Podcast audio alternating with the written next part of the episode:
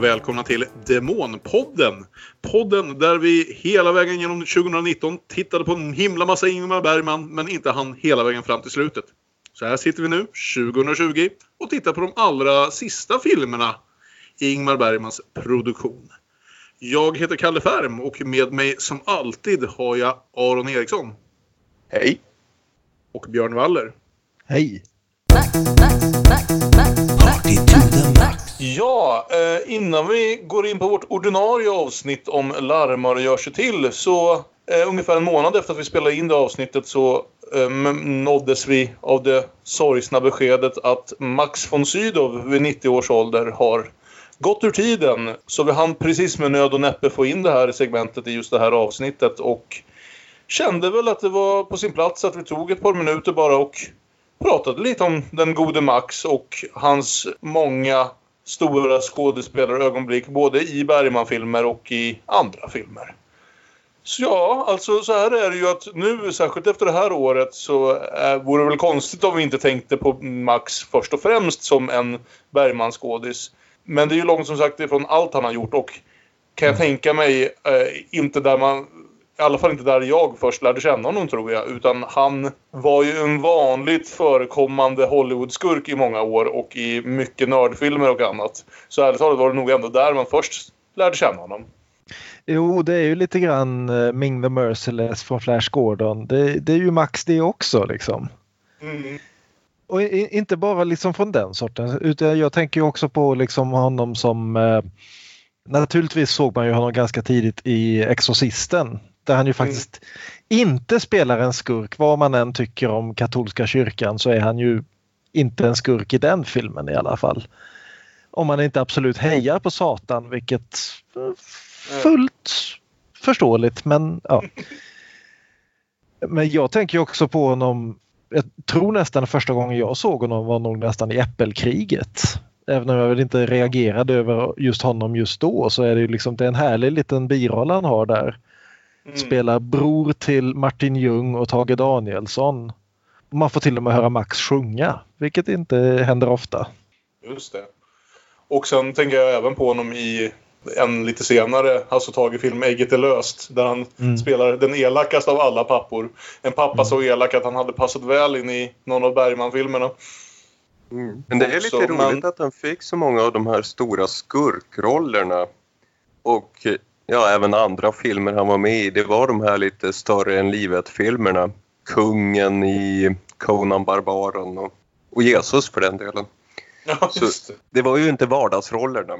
Jo, men, han fick, men han samtidigt fick i Bergman så var han som alltid nedskalad till en... Eller inte alltid. Och när jag försökte komma på lite övergripande saker att säga så hittade jag direkt många exempel på motsatsen. Men han var ofta i Bergman något av en ynklig figur.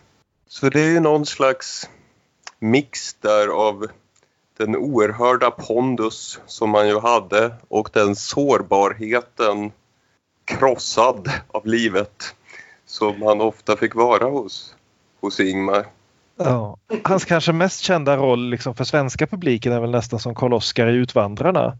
Men jag tänker han fick ju göra stora delar samma sak i filmer som till exempel Ingenjör Andreas luftfärd som ju tyvärr är omöjlig att få tag på nu för tiden. Jag vet inte varför. Eller huvudrollen i Hamsun, bara en sån grej. Mm. Där han verkligen fick blanda de här olika, olika karaktärsdragen och servera upp på nya sätt hela tiden. Mm. Eller för den delen vad som faktiskt fortfarande kanske är min favoritroll som han någonsin gjorde som Lasse för i Pelle Erövraren. Ja. Eh, där han verkligen får vara alltså, hjärtekrossande bräcklig och samtidigt försöka hålla ihop det här, den här lilla tvåmannafamiljen så långt det bara kan gå tills det mm. inte går längre. Mm. Eh, och det är han som någonstans, alltså jag tycker Pelé Erövraren rent generellt är en väldigt fin film men den skulle inte funka hälften så bra utan Max. Mm. Jo, och jag tänker också det här liksom att han förblev ju ändå aktiv in i det sista. Jag har ju ett antal riktigt bra rollprestationer från de senaste tio, jag menar så sent som för tio år sedan så gjorde han ju fortfarande actionscener. I filmer som Robin Hood och Shutter Island och jag, jag vet ju liksom hur man, när man ser den där scenen där Leonardo DiCaprio tacklar Max och man tänker nej, nej, nej, akta honom, akta lårbenshalsen. Ja, nej, det är imponerande. Jag, jag gjorde ja. en liten lista här bara, vad ska vi säga, ur, ur den andra om man inte ser det från vårt Bergman-fan-perspektiv utan snarare från nördfans-perspektivet här så blir ju det en imponerande lista grejer alltså. Mm. Såklart Blix Gordon och Conan nämnde vi också. Men sen även June. Han spelade mm. Blowfeld i den här Bondfilmen som inte är en riktig Bondfilm, Never Say Never Again. Som jag råkade se häromdagen av en ja. slump. Inte så bra. Vem hade trott? Men det är kul att se Max i den. Och bara det är det. De här grejerna. Max och en katt, då är jag nöjd. Han, han var det en, enda värd att se i Sylvester Stallone-versionen av Judge Dredd. Han var, vad heter det, inte ens credited, men han är rösten till skurken i Ghostbusters 2. Bara en sån sak. Mm. Och sen så här på slutet precis så hann han ju även skriva upp både Star Wars och Game of Thrones på sin nördlista. Ja. Och då är ändå liksom nästan min favoritroll han har gjort från de, allra, från de sista liksom 20 åren av hans karriär är ju nästan i fjärilen i glaskupan. Absolut. Det är där han då, helt otroligt. Där han då i flashbacks spelar fadern till huvudpersonen som ju ligger i sån här locked in syndrom. Och gör det på franska och gör det... För det är återigen det här som vi sa i förra avsnittet att han någonstans, han började spela medelålders män redan i 20-årsåldern och det var först efter 70 som han gick över till att verkligen spela gamla gubbar egentligen. Och då kunde han spela 90-åring utan problem redan i folkpensionsåldern De, de här oerhört bräckliga eh, porträtten som han gör där, som han gjorde både då i eh, eh enskilda samtal men framförallt då i Fjärilen i glaskupan, eh, fantastiska. Ja, verkligen. Ja, nej, det var en lång och rik karriär den gode Max hade. Så som sagt, som fortsatte nästan hela vägen fram till slutet. Jag ser här på IMDB att han har en film kvar som ska släppas. Den tydligen verkar spela huvudrollen. Han, eh, det har släppts någon affisch och det är i stort sett bara ett stort Max-ansikte. Så vi får hoppas att det blir något att ha. Annars var hans sista film, så som man har kunnat se än så länge, Thomas Winterbergs film om Kurskubåten, mm. eh, som jag inte hunnit se. Men ja, tack för allt Max. Hoppas ja. du har det bra där du är. Tack Max. Partydur Max. Ja. Ja. Ska du ha lite smultron? Tron är ett svårt lidande, vet du det? Det är som att älska någon som finns där ute i mörkret men som aldrig visar sig hur man än ropar. Och allt det där tycks mig overkligt när jag sitter här tillsammans med dig och din man. Var det plötsligt likgiltigt? Nu ser du inte så högtidlig ut. Jag ska minnas den här stunden. Stillheten och skymningen. Skål med smultron. Skål med mjölk. Era ansikten i kvällsljuset. Mikael som ligger och sover. Joff med sitt strängspel. Jag ska försöka komma ihåg vad vi talat om. Och jag ska bära det här minnet mellan mina händer. Lika försiktigt som vore det en skål breddfylld med nymjölkad mjölk.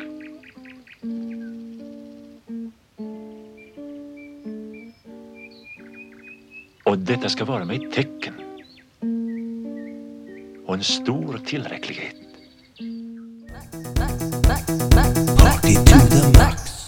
Och så har vi även en ny gäst denna kväll. Jättespännande. Jag får säga hej och välkommen till Tom Åsberg. Hejsan hejsan. Kul att du ville vara med och eftersom du faktiskt är gäst för första gången så kommer ju du nu att få de här frågorna som vi alltid ställer till våra gäster första gången de är med. Eh, vem är du och hur känner du Ingmar? Ja, eh, jag heter Tom, är 29 år, jobbar som frilansfotograf och filmare uppe i Umeå. Har gått en filmutbildning här uppe och har på senaste år blivit väldigt intresserad av film, olika slag.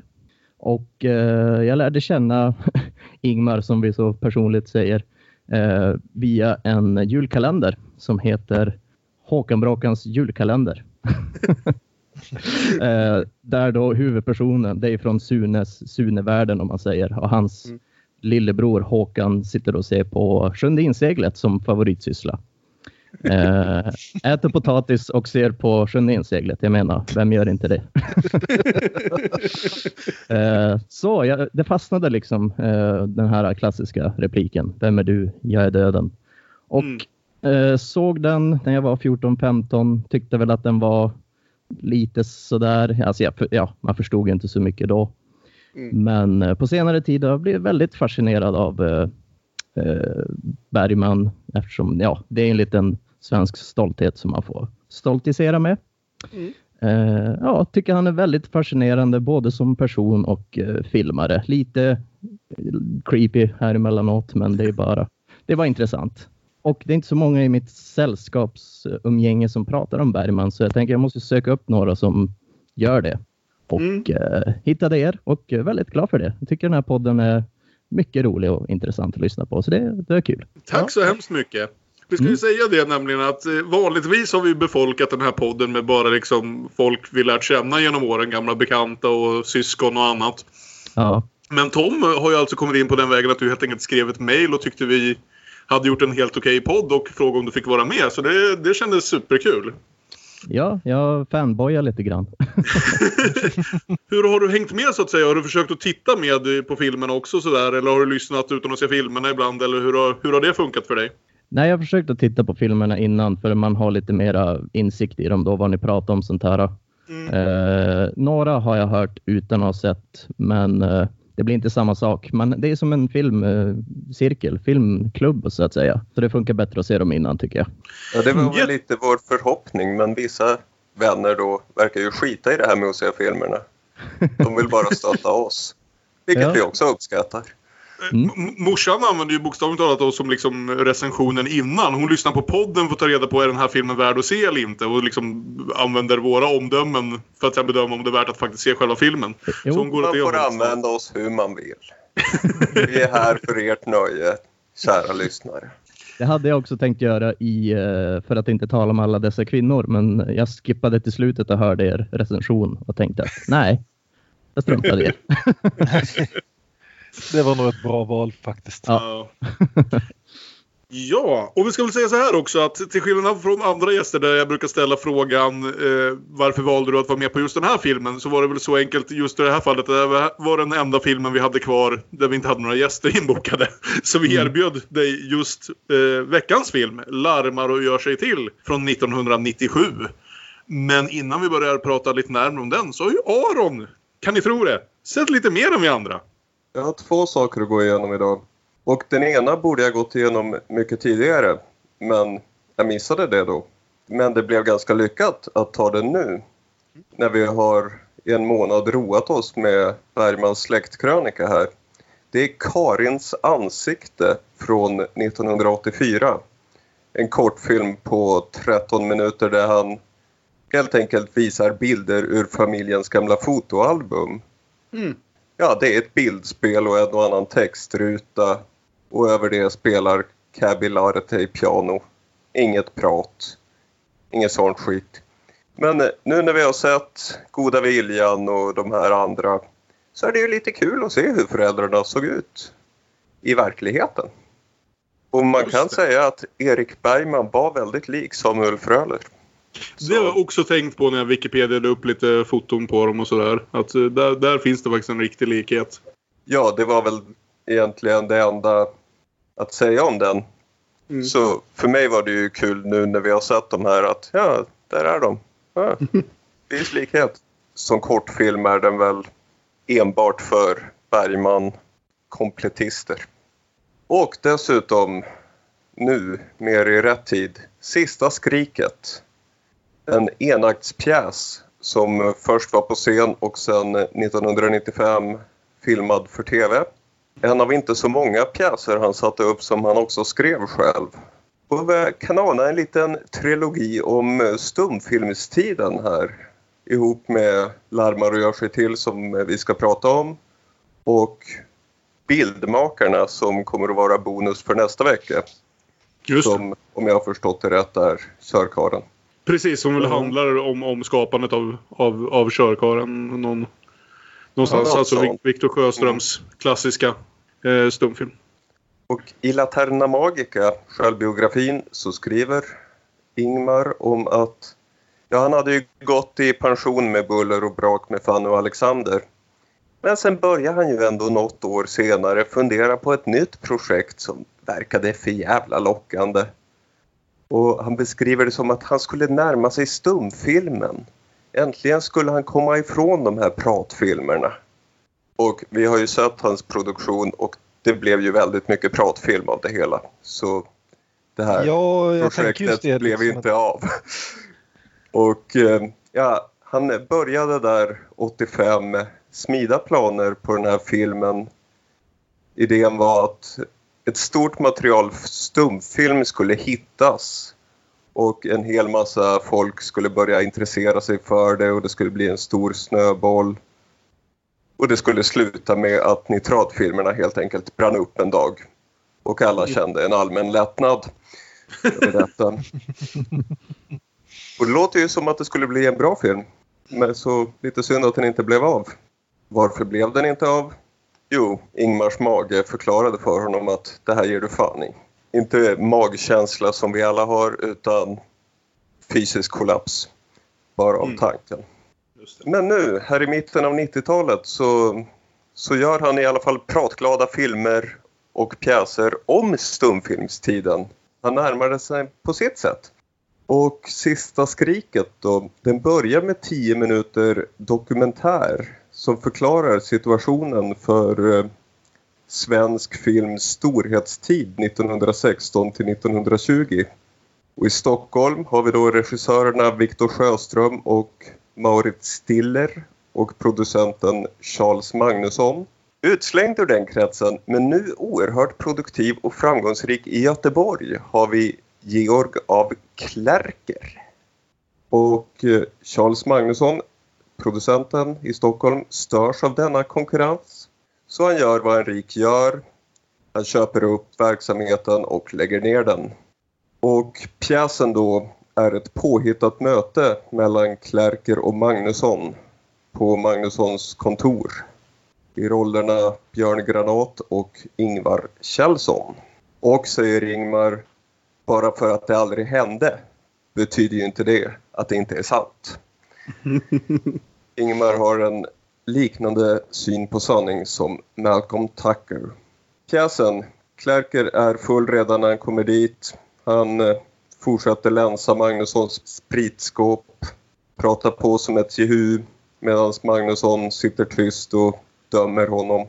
Och det är det lite bekanta temat förödmjukelse. Klerker går på, larmar och gör sig till, förolämpar så gott han kan. Men man vet ju hela tiden, han vet, vi vet, Magnusson vet. Spelet är förlorat. Han skriker på i 50 minuter och ja, desperat och förtvivlad.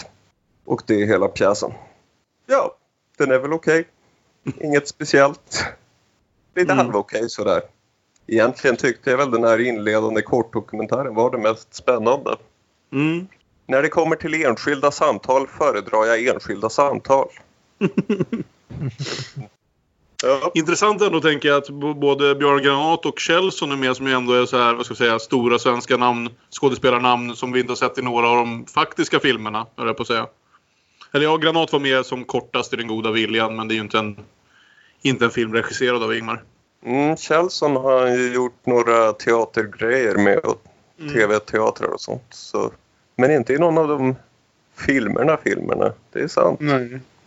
Ja, men alltså det låter ju mer än vanligt nästan som att den här, de här extra tittningarna som du har gjort för oss logiskt in på veckans huvudsakliga tema. Ja, Larmar och görs till. Det blir en kvadrupelbull. Och nu när vad heter det, det är någonting som faktiskt regisserats av Ingmar så har ju regi Bergman återigen tagit upp dessa synopsis. Så nu har jag för Näst sista gången ett synopsis från regi Bergman. Karl Åkerblom, en man med livlig fantasi, ligger på sjukhus. Han försöker göra världens första talfilm, inom citattecken, med skådespelare som läser dialog till en stumfilm bakom en skärm. Tillsammans med sin fästmö Pauline turnerar Karl på landsbygden med sin föreställning.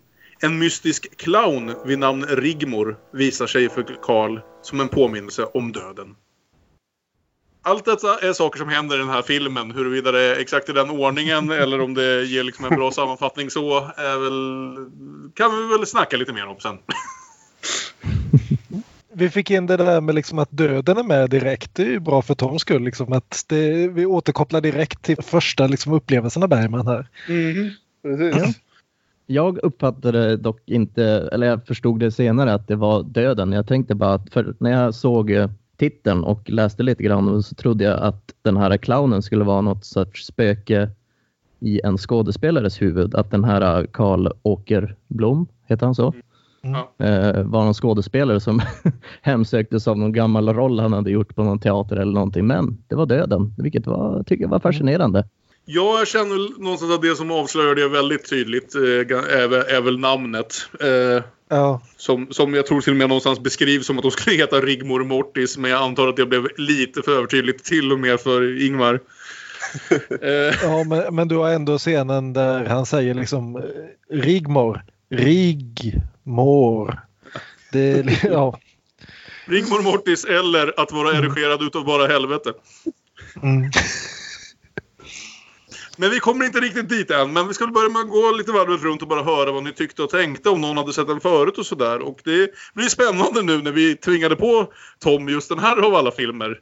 Eh, vad tyckte och tänkte du om den här? Jo, eh, alltså för att vara det det är. En billig, eller ja, billig ska jag inte för jag vet inte. Men det ser ut och känns som en billig tv-produktion. Mm. och det är väl vad det är. Man kan inte förvänta sig så mycket mer känner jag. Det, så det är inte så roligt fotograferat. Det är, man såg någon mick som hängde ner här i något, eh, någon scen. Det känns lite halvhjärtat tycker jag, även för att vara Bergman. Men det är ändå Bergman, så att det, eh, det höjer det lite grann tycker jag. Stram, bra, går ganska fort framåt. Skådespelet som alltid är ju bra hos Bergman. Eh, så att ja, hela taget så gillar jag den. Mm. Och det är intressant att nu efter att ha sett den här trilogin av filmer om eh, Ingmars föräldrar och barndom att den här någonstans är lite spin-off till det också. Det känns som att den sticker iväg lite mer ut i det rakt påhittade. Eh, så vitt jag har kunnat läsa mig till i alla fall. Men, men det är ändå kul att han fortsätter med just de här karaktärerna och nu då istället fokuserar på morbror Karl som vi har träffat i, i Den goda viljan och Söndagsbarn. Och, och en variant till Fanny och Alexander. Ja, precis. Och som inspirerade en karaktär i Fanny Alexander. Men för jag hade nästan glömt bort det. Jag hade faktiskt sett den här förut. Eh, och hade helt glömt bort att det var liksom de kopplingarna. Jag hade glömt bort väldigt mycket märker jag. Jag såg den nog, inte när den var ny, men inte superlångt efter det. Jag kan säga så här att eh, lite som hur det var med Ormens ägg, där jag trodde att den sista scenen i Ormens ägg var en helt annan film. Så hade jag nog någonstans eh, förvandlat det här till två olika filmer och tänkt att Larmor gör sig till i den här som utspelar sig i en sjukhussal helt och hållet och tänkt att allt det här som händer sen i andra och tredje akten var någon helt annan film. Så det var ju också spännande, bara en sån sak. Jag bara, ja men just det, det är ju den här filmen. Mm. När de faktiskt eh, försvinner från sjukhussalen efter en trekvart. Får jag fråga mm. Tom, har du sett Goda Viljan och Söndagsbarn och Enskilda samtal? Eh, jag har sett Får se nu, vilken är det jag inte har sett? Det är den sista i trilogin. Vilken är det? Enskilda, Enskilda samtal då. Ja, precis. Mm. Det är den jag inte har sett. Eh, resten har jag sett. Mm. Okay. okay. Mm. Så du känner ändå... Du får alla Karl-filmer? Ja, ja precis. Visst. Det är så roligt att återkomma till den här morbror Karl. Han kom ju i eh, Laterna Magica tyckte jag att han var en av mina favoritkaraktärer där. Och mm. han gestaltar sig i många olika sätt i filmerna, vilket är som kul också att se vad Bergman vill med den här karaktären. Han verkar vilja ganska mycket med den. Sen frågan om hur han verkligen var i verkliga livet får man väl ja. Eh, ja, ha sin egen uppfattning om. Det är roligt. Det är en bra karaktär tycker jag. Hur var det för er då grabbar? Har någon av er sett den förut? Kan vi börja med. Uh, inte vad jag kan minnas i alla fall. Uh, jag tror inte jag har sett den. Och jag tycker det var en riktigt rolig överraskning det här för jag hade ju också liksom någonstans de bilder jag sett från den är ju bara det här sjukhussalen och den här clownen. eh, så när liksom efter en halvtimme de liksom bara gör en gökboet och rymmer från sjukhuset och börjar göra film. Det, jag var jätteglatt överraskad där. Och sen dyker Peter Stormare upp också och så dyker Pernilla August upp och allting är ju jättekul. Det, mm. Jag skulle inte säga att det är liksom ett stort Bergman-verk men jag tycker den är väldigt trevlig. Mm, I sin ja. eh, ibland nattsvärta. Men ja. ja, precis. väldigt trevlig nattsvärta. Ja. ja. Jag kan hålla med om det. Jag hade inte heller sett den tidigare. Och det är också roligt, det är väldigt mycket referenser till andra Bergman-filmer som man har haft roligt och tryckt in här. Så vi kan spela våran Bergman-bingo under avsnittets gång. ja, verkligen. Mycket namn. Eh, som vi känner igen. Om vi ska starta filmen så börjar den ju med ett översatt Shakespeare-citat. Vilket jag fullkomligt hade glömt bort att det var det det var. Eh, men från Macbeth. Den engelska titeln på den här. Vi har ju snackat om det ibland att ibland får ju Bergmans filmer nästan en bättre titel på engelska. Mm. I det här fallet så ha, finns det ju en färdig engelsk titel som den borde få men istället så får den då titeln från bakom filmen. Den heter då In the presence of a clown på engelska. Mm. Och jag funderade varför i hela fridens namn heter den inte bara Struts and Frets? Jo, inser jag därför att när man säger det så utan något eh, subjekt så låter det som att den handlar om att bygga fioler eller någonting. Ja, precis. och det är inte, ja, det, det, det, funkar inte som fristående titel på samma sätt. Vilket är synd för jag tycker det, jag tycker det är en härlig titel. Det är från en av de bästa monologerna i Shakespeares hela produktion. Och det, ja, mm. det är väldigt passande. Kanske lite för passande kan man tycka. Men, ja. jo, jag har ju tryckt in den titeln i åtminstone någon tidigare låt som har varit. Mm. Antagligen mer än en. Men vi börjar alltså i alla fall på Uppsala hospital i oktober 1925. Ja, Uppsala igen. Där morbror Karl ligger inlagd på en egen sal och sitter och lyssnar på Schubert på sin fonograf. Har någon någon som helst koll på hur nära verkligheten vi är här nu? För av det mesta döma känns det ändå som att, att Söndagsbarn och eh, enskilda samtal i alla fall inte liksom strävade våldsamt utanför verkligheten. Alltså detaljer såklart men inte de liksom faktiska huvudsakliga händelserna. Vet någon någonting tillräckligt om morbror Karl för att säga om det här är fullkomligt fantas fantiserande eller är det... Jag vet ju vad som står i Laterna Magica men uh, den är ju också ett osäkert vittne. ja. Men uh, ja, han var ju ingenjör och uppfinnare och satt ibland på psyket. Mm. Så så långt i alla fall. Ja, jag tror inte han uh, satte igång och gjorde en talfilm. Så vitt jag vet. Mm. Han eh, hjälpte väl Ingmar med sin Laterna Magica också? Ja, det var någonting Ingmar var väldigt glad för. Hur morbror Karl kom med små uppfinningar till den och fiffiga små lösningar. Ja, han monterade in eh, konkava speglar och olika ljus och färger. Och, ja. För morbror Karl är ju så vitt jag vet den enda Bergman-karaktär som fått en helt egen eh, artikel på svenska Wikipedia. Okej. Okay. Mm. Mm. Där det då står följande. Karl Åkerblom är en fiktiv karaktär, ofta kallad morbror Karl, spelad av Börje Ahlstedt i ett flertal filmer av Ingmar Bergman. Larmar och gör sig till Den goda viljan, Söndagsbarn och Fanny och Alexander, då som Karl Ekdal. Ska mm. troligtvis föreställa Bergmans egen morbror Johan. Mm. Jaha. Han hette inte ens... Nej. Den där Laterna Magica är ju en för jävla fin bok måste man säga. Jo. för insikt om Ingmar. Väldigt pålitlig. ja, men han sitter i alla fall där när läkaren som då heter doktor, ja vad fan ska han heta, Egerman. Lika så Såklart. Var glad att inte en Vergerus Precis. Gissningsvis bror till teologistudenten Thomas. Ja. Som också bor i Uppsala mm. detta år. Och eh, snabbt sidospår här. Det är jag som liksom söderhipster direkt kopplat till här. Var i helvete får man tag på de där snygga emaljmuggarna som de har stående överallt? Där det står Uppsala hospital. Ja. Jag vill ha ett par sådana. Men doktor Egerman vill i alla fall prata om Karl, men Karl vill prata om Frans Schubert och hans snopp.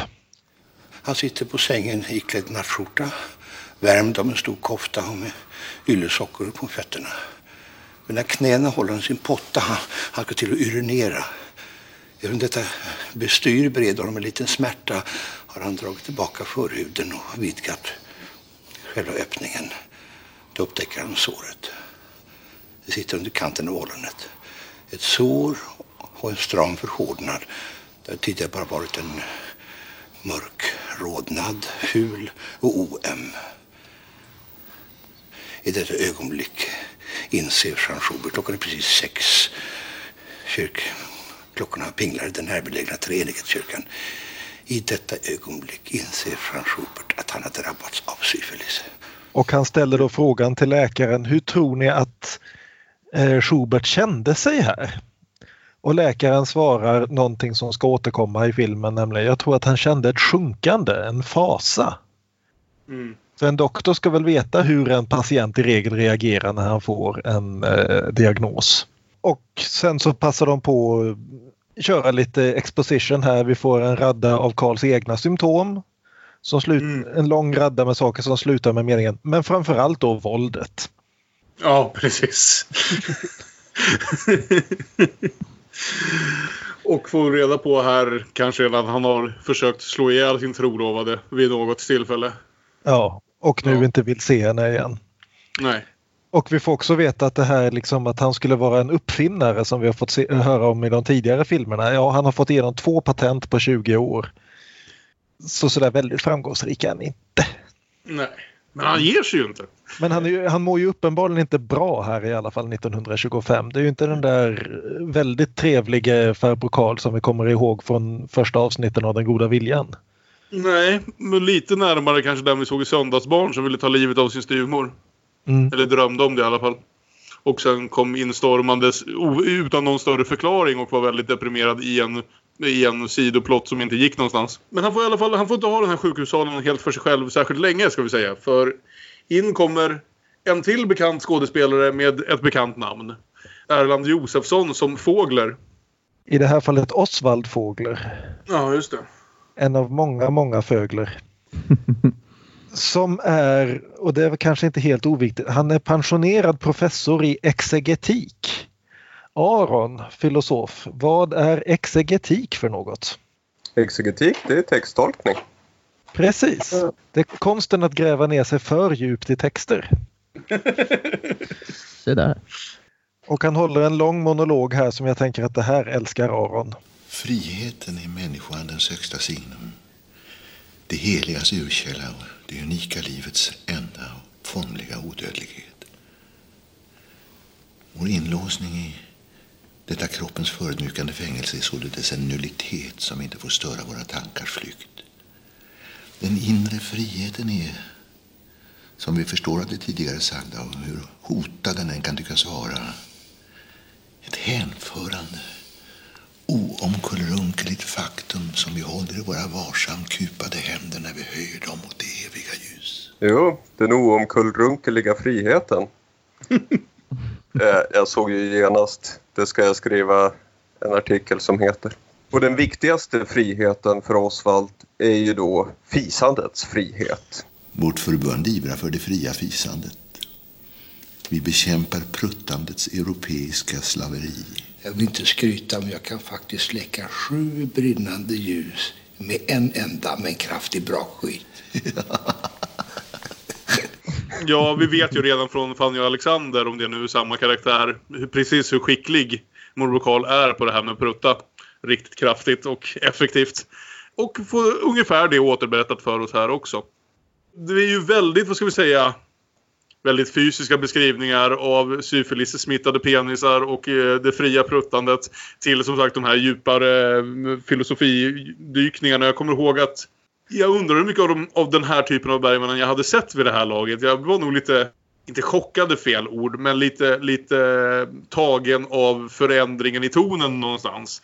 Det är ju ändå mm. liksom grovt på ett sätt som vi bara har sett, som man oftast bara använder, skulle jag vilja säga, när han gör de här filmerna som är lite mer pjässtrukturerade. För menar, den här sista skriket är också väldigt grov. Jag tänkte på det när jag mm. såg de här två, att det är både lite varmare men samtidigt väldigt grovt det gäller ju även om vi tänker tillbaka på riten som helt plötsligt sticker ut som liksom eh, någonting mitt, mitt där i 60-talet. Att den var också betydligt grövre än alla filmerna runt omkring den. Och man undrar ju nästan mm. om det är någonting han av censurskäl eller bara för att, vad heter det, inte behöva ha ett jobbigt, få ett jobbigt samtal från SF sparade till när han gjorde tv-produktioner. Eller så är det helt enkelt det att i takt med att han åldras så börjar kroppen jävlas på honom på nya sätt och det tänker han inte låta okommenterat. Nej, nej. Jag menar, det här är ju faktiskt filmen där Börje Ahlstedt bokstavligt talat sodomiserar döden. Liksom. Det ja. mm. Vad ska han göra med sitt rättmätiga raseri för att citera mm. filmen? Mm. Vi får i alla fall veta två saker här. Dels att den här Oswald Fågler inte är fullt så fokuserad som han först verkar. För han tappar bort sig fullkomligt mitt i en mening och bara vet inte vart han är eller vad han pratar om och får bekräftat att Karl är här på grund av sin modiska vrede. Att han dängde ett stolsben i pannan på någon och nästan slog ihjäl dem.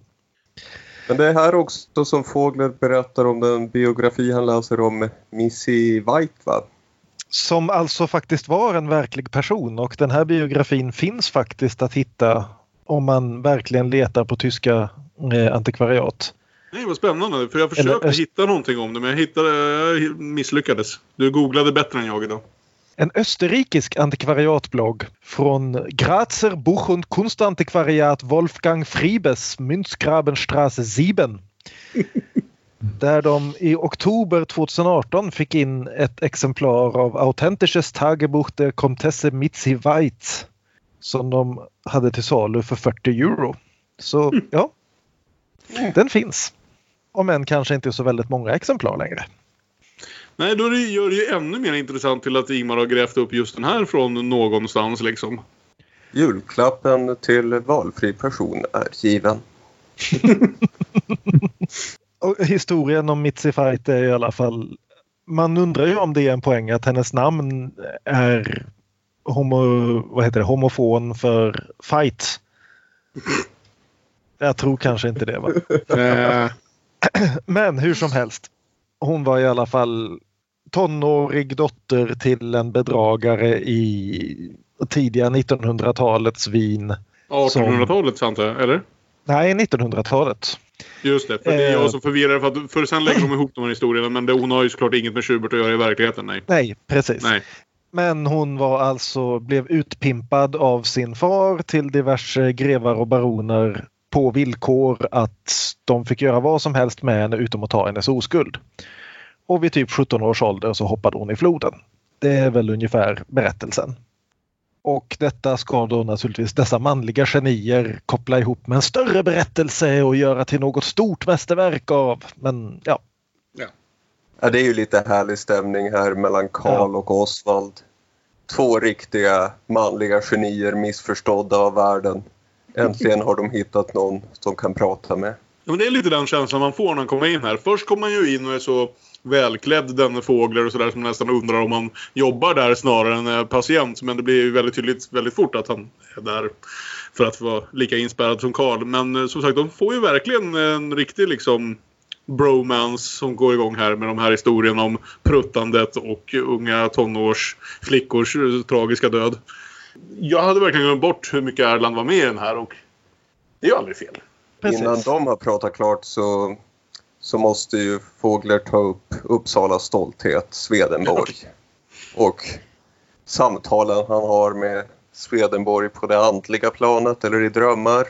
Där talar de om hur Gud skapade oss i sin avbild, eller möjligen vi skapade Gud. Vi läser att människan skapades i Guds avbild att vara honom lik. Med Guds avbild menas gudomlig vishet och med likhet avses den gudomliga kärleken. Ja, ja, ja, men hur ser han ut? Han är min avbild. Eller också är jag hans avbild. Är det möjligen så att professorn är Gud? Det skulle inte förvåna mig. Eh, härliga killar det här. Och de namndroppar då också naturligtvis att man ser Gud så som i en spegel. Naturligtvis. Sätt ett kryss i er Bergman-bingo. Men sen så är det ett sju helsikes väsen ute i korridoren och in kommer då professorskan Fågler. Mm. Eh, Spelad av Gunnel Fred. Tillbaka igen från förra veckan. Men denna gång får hon inte så mycket att säga för hon är dövstum har vi redan fått förklarat för oss av Fågler. Och man misstänker väl att det är det enda sättet för någon att stå ut med denne fåglar i mer än 30 minuter i sträck. Rik och dövstum. Vilken jackpot Osvald. Så hon fixar i alla fall ut honom och så är Karl ensam igen. Vi får en liten scen här mellan Karl och syster Stella.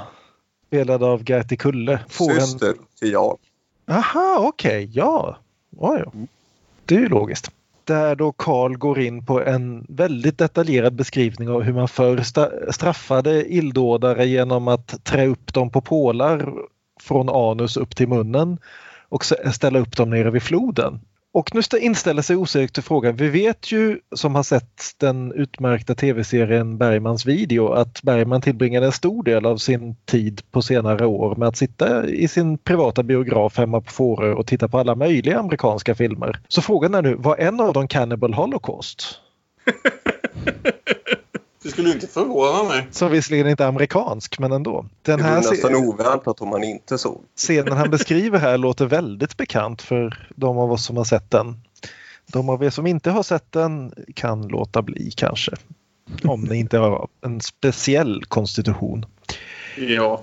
Det är en, det är en av de filmerna men... som man inte riktigt ja. rekommenderar men ändå vill att folk ska veta att den finns. Ja. lite, lite en sån, går upp på en lista med Salo och några andra. Ja, mm. faktiskt. Och han passar också på att dissa August Strindberg, den sentimentala gnällspiken.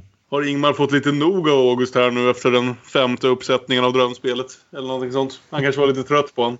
Lite sådär som jag typ började rygga lite tillbaka från att behöva se min 44 Bergman-film förra veckan. Karl kan också sin aftonbön baklänges. Vilket jag tycker är ett strålande karaktärsögonblick. Amen får lyckan älskar Gud den. Går lyckan kommer lyckan, händer Guds i lycka min stor. Mm. Det är så barnsligt för Karl är ju väldigt barnslig av sig. lite hädelse sådär innan läggdags. Men sen så är han helt plötsligt in the presence of a clown. Ja. ja. För plötsligt så blir ljuset väldigt konstigt och vi förstår att det är en drömsekvens. Mardröm. Ja, det beror på hur du ser det. Är det en mardröm? Eller ja. är det en annan typ av dröm? Det kan väl vara lite av båda två känner jag. Alltså, man upplever det ibland att är det här dröm eller sover jag eller är jag vaken? Man kan tolka det lite hur man vill. Men, ja. Det är en läskig jävla clown i alla fall. Och så som clowner gör så kommer lite fejkdanska, Bergman-bingo. Och så ja. som döden är så är det clown vitmålad i nyllet. Och vi ska säga också att clownen då spelas av eh, Agneta Ekmaner. Som vi fast har sett förut i den här podden. Någon som vet när? Nej, det kan jag inte. Hon spelar den yngre systern i Paradistorg. Okej, okay, ja, den såg jag aldrig. Men hon har, varit, hon har varit med en väldig massa annat så det var ju bara en tidsfråga innan hon skulle precis lyckas hinna med i en Bergman-produktion också innan hon la av. Eller innan han la av rättare sagt. Och nej, som sagt, det är bara en obehaglig men jävligt lyckad sekvens. Man förstår någonstans. Mm. Jag blev nästan förvånad den här gången över hur lite clownen och Rigmor är med i den här filmen ändå. För som sagt, till och med den engelska titeln eh, syftar på henne. Så alla postrar, alla affischer, allting sånt där eh, använder sig ofta av, av bilder på henne och sådär. Så hon har någonstans blivit lite symbolen för den här filmen. Till den grad jag verkligen blev förvånad när jag insåg att det här är en av egentligen bara två riktiga scener hon har va? Och så syns hon lite i bakgrunden ja. här och där. Samtidigt är ju frågan vem titelns clown i så fall är. Om det är Karl eller Rigmor. Ja, jo. Och hon är väldigt lik eh, clownen Frost från Gycklarnas afton. Ja. Ja. Eh, undrar om det finns någon sorts connection där eller om det bara är något, ett sammanträffande. Någon som har Ja, han, han pratade ju också på påhittad danska som sagt. Ja. Mm.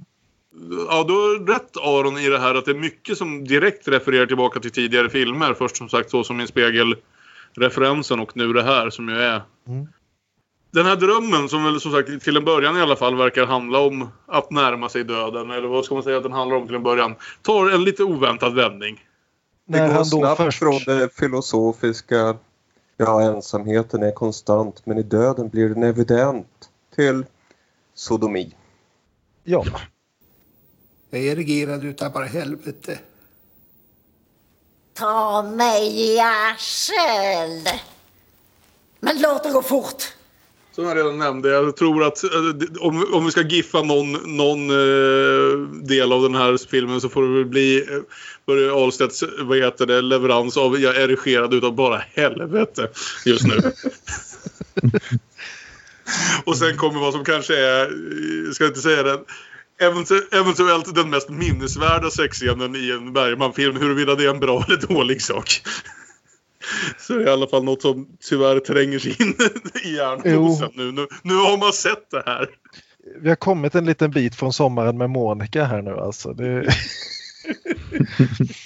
Jag är nu att det här är en restprodukt av vad han pratade om just innan han gick och somnade. Det här med pålira. Och Se vad det hänger ihop. Och vi får också en liten eh, title drop av våran kära podd. Han berättar, han pratar om att förr gällde lagar, nu gäller icke-lagar, nu är det mest demoner. Även om SVT Play dumt nog har då textat det här med E. När då clownen till slut försvinner så får vi en av filmens två special effects grejer. Ja, just det.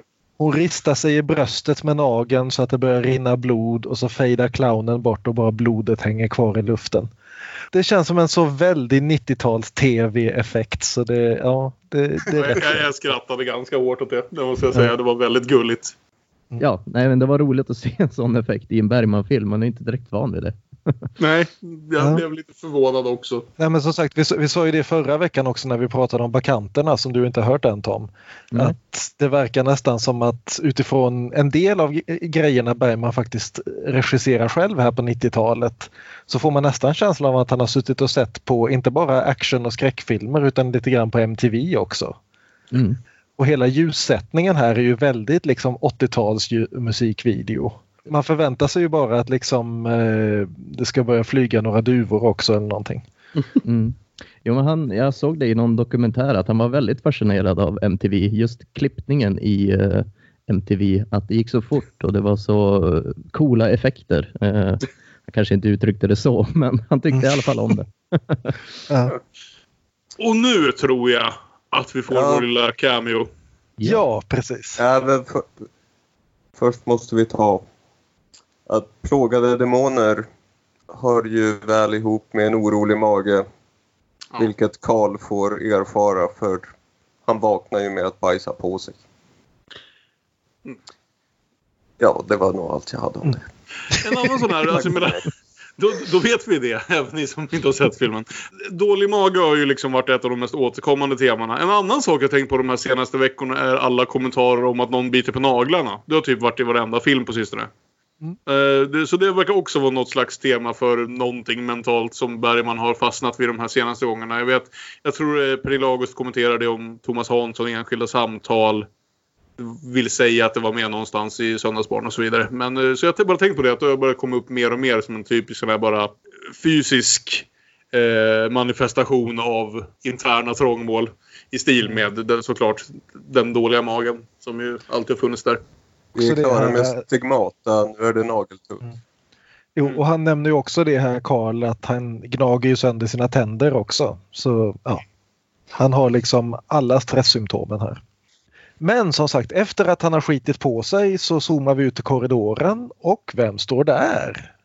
Det är ju Ingmar själv och det var ju ett tag sedan känns det som. Ja. Jag funderar här. Det är trollflöjten vi såg honom sist. Ja, det borde stämma. Mm. För i, i början där, jag, jag kommer ihåg liksom för det är snart ett år sedan nu när vi satt och gick igenom alla 50-talsfilmerna. Då var han ju med stup i kvarten.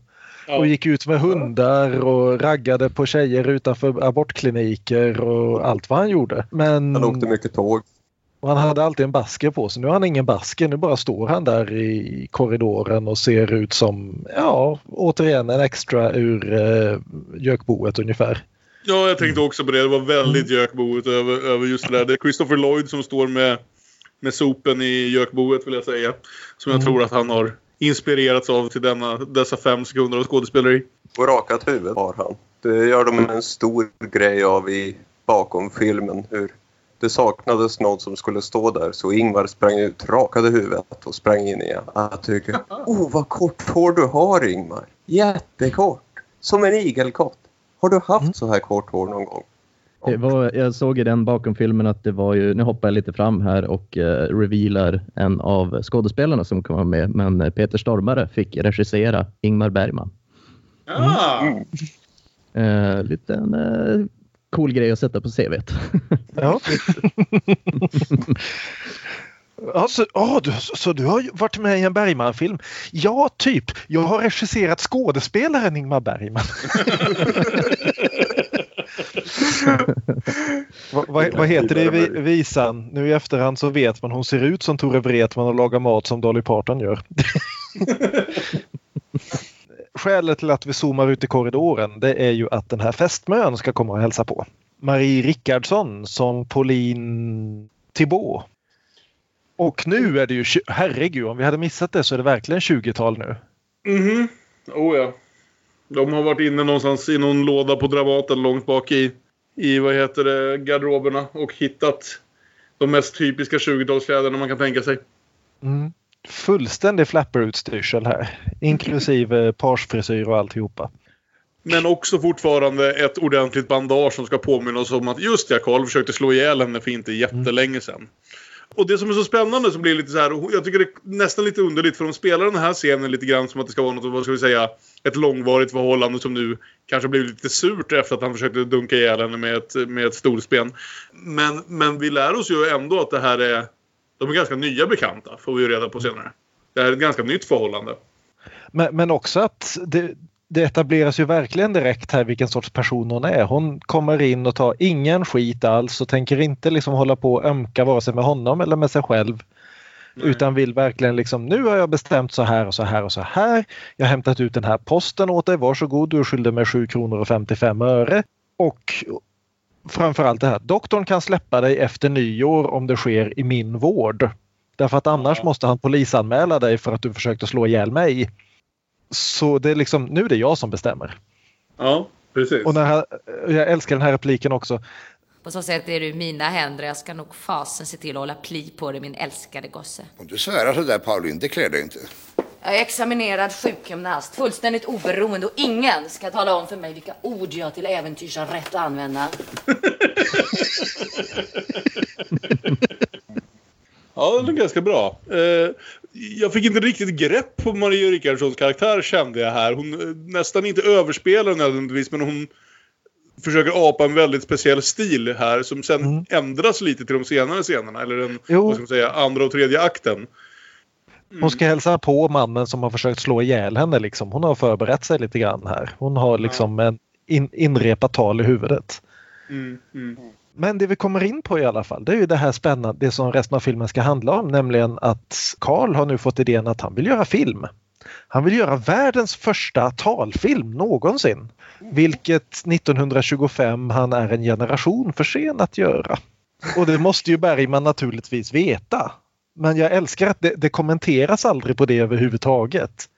Att det här det är genom att vi vet att han har gjort samma sak förut. Att det som han har fått här i posten är mm. avslag på, på äh, vet, patentförfrågan av den anledningen att den här saken har varit uppfunnen redan i nästan 50 år. Jo, men det är också inte den grejen han vill göra nu. Utan det där nej, nej, nej, nej precis. Ja. Jag bara menar att han har nu en tradition av det här. Att sådär 50 år efter att någonting har blivit uppfunnet så försöker han uppfinna det igen. Men, men i just det här fallet, så den, den, kommersiella ljudfilmen skulle ju komma två år senare, 1927. Men det hade ju gjorts experiment med ljudfilm hela vägen tillbaka till sent 1890-tal. Mm. Och detta vet ju säkert Bergman, men han talar inte om det för publiken man förväntas ha lite koll där på stumfilmshistorien liksom men det är aldrig i hela filmen någon som säger ja men herregud, är du inte medveten om att Hollywood håller på att jobba just nu med stora liksom ljudinspelningsapparater och liksom sångnummer och allt möjligt som ska presenteras, inte av skådespelare som står bakom skärmen utan liksom som ska åka med själva filmrullen. Det är det ingen som någonsin säger utan de får leva i den här lilla illusionen av att de på ett hospitalrum i Uppsala uppfinner nästa steg i filmhistorien. Jag gillar det. Ja, jo, jag med. Det är ju något väldigt fint det där och, och återkommande just det här i att tekniskt sett har du väl uppfunnit något om du inte faktiskt visste att det fanns förut. Det är bara det att du var inte först med det. En favoritreplik. Direct marketing. I thought of that. Turned out it already existed, but I arrived at it independently. Och filmen ska då handla om kärleken mellan Franz Schubert och Mitzi Fight. Som vi nu vet, som Björn har förklarat för oss, var två människor som aldrig träffades och levde hundra år ifrån varandra. Ja. ja. Jo, det kommenterar de ju ja, redan där att... Så Dog det inte Schubert att... 1828? Ja, ja, ja, Lappri. jo, det verkar ju som att Karl, han är inte direkt helbunden vid den sanna historien. Han känner att bara för att det inte hände betyder ju inte det att det inte är sant. För sen kommer Osvald in igen och alla de här, de här två paren firar och ja. tycker att det här är en fin, fin idé. Och vi går in i liksom den andra akten. Det kan väl nästan ses ganska tydligt som en treaktspjäs egentligen. Och redan i den andra akten för vi oss ju bort från det här hospitalet. Så vi är tillbaka i Grånäs. Som vi ja. kommer ihåg från Söndagsbarn. Uppe i Karls eh, barndomstrakter alltså. Mm som är en av de många metropoler världen runt som nu ska få besök av detta fantastiska cinematiska drama i tre akter. Glädjefickans glädje. Det är underbart titel. I... Etablissemanget var ju inte så intresserade när de la fram den. Så de har tagit Nej. filmen på turné runt landet. Och nu är de alltså i eh, ja, typ bygdegården i Grånäs i Dalarna. Där det här ska mm. sättas upp inför elva betalande gäster. Och det är där vi får Peter Stormare som mm. är den lokala hjälpredan. Landal heter han. Kanske en släkting till Gunnar Björnstrands teaterdirektör Landahl i Fanny och Alexander. Och Peter Stormare får ju då den här tveksamma äran att vara den obligatoriska enda skådespelaren i en Ingmar Bergman-film som försöker göra korrekt eh, dialekt. Jag har sett Glädjefickans glädje 16 gånger. Det är mitt livs stora konstupplevelse. Ja, precis. Ja, men Lena Endre försöker också senare. Och det är också i den här eh, bakom filmen så finns ju en härlig scen när Bergman håller på att repetera med Peter Stormare. Och Peter Stormare vid något tillfälle börjar asgarva mitt i en repning och så frågar Bergman Ja men hur gör ni hos Spielberg? Ja, precis. ja, jag tyckte det var en härlig pik. Mm. Ja, jag kom på det också. Man typ glömmer bort att uh, Peter kom hem ibland och gjorde. För det här var ju verkligen efter att han hade tagit intåget in i amerikansk film. Det är ju efter Fargo liksom. Och det är väl ja. som sagt förmodligen samtidigt som, som Lost World. Eller ja. direkt efter borde det varit. Ja det är nog det för det, mm. det, står till och med i filmen där liksom i eh, texten ovanpå att liksom Peter Stormare har just gjort en film med Spielberg. Jag älskar bara det faktum att Ingmar Bergman uttalar Spielberg som Spielberg. jag, jag, gillar Peter Stormares lilla roll här. Han är liksom verkligen sån här en kulturintresserad människa som har hamnat som folkskollärare i Grånäs. Och mm. det här, han säger vid något tillfälle att den här filmen när han har sett den nu, det är det största konstupplevelsen han har haft sedan han var i Stockholm och såg en Rembrandt-tavla. Mm. Och det är liksom, fatta hur svältfödd han måste vara där ute. ja, men han är så underbart snäll idealist. Och det är också där i bakom filmen när de håller på med en scen så inser Ingmar efterhand att ja, nu gör vi den här scenen mycket snällare än vad den var skriven. Eh, men ja, det, det upptäcktes där på plats att Peter Stormare är ju ett sånt, så, en så oerhört älskvärd person här. Och det är ju också så kul i jämförelse med exakt hur Hollywood använder stormare exakt för det här tillfället. Han bara i stort sett är knäppisar och psykopater. Mm. Precis överallt. Mm. Då, det, det, är det, som, det är nästan känns ju som att se en ny sida av Peter Stormare. För man är så van vid att bara se honom liksom... Han, han, han fick ju aldrig vara subtil i några av de här filmerna som han gjorde samtidigt i Hollywood. Och det har han ju egentligen inte fått vara i de svenska rollerna han har gjort sedan dess heller. Nej. Det var liksom direkt på Hamilton och det där gänget när han väl kom hem. Mm. Ja, eh, någonstans är det lite intressant här också för jag minns verkligen det här som en film helt och hållet om morbror Karl. Men eh, fokus dras ju från honom här i akt 2 ganska hårt till hans eh, trolovade. Mm. Eh, och det är Marie Rickardssons film ganska mycket här nu i en halvtimme någonting. Mm. Ja, det är ju inget segertåg den här turnén kan man lugnt säga. Filmens kvinnliga huvudrollsinnehaverska Mia Falk som ju Karl fick syn på och givetvis var tvungen att ha en liten romans med. Hon tänker nu sticka ifrån dem. Hon och eh, Pauline har en fin scen ihop. Pauline hotar med att uh, köra ett strykjärn i ansiktet på henne. Sen kramas mm. de och pussar varandra. Det är i princip fem säsonger Person of Interest sammanfattat i två minuter.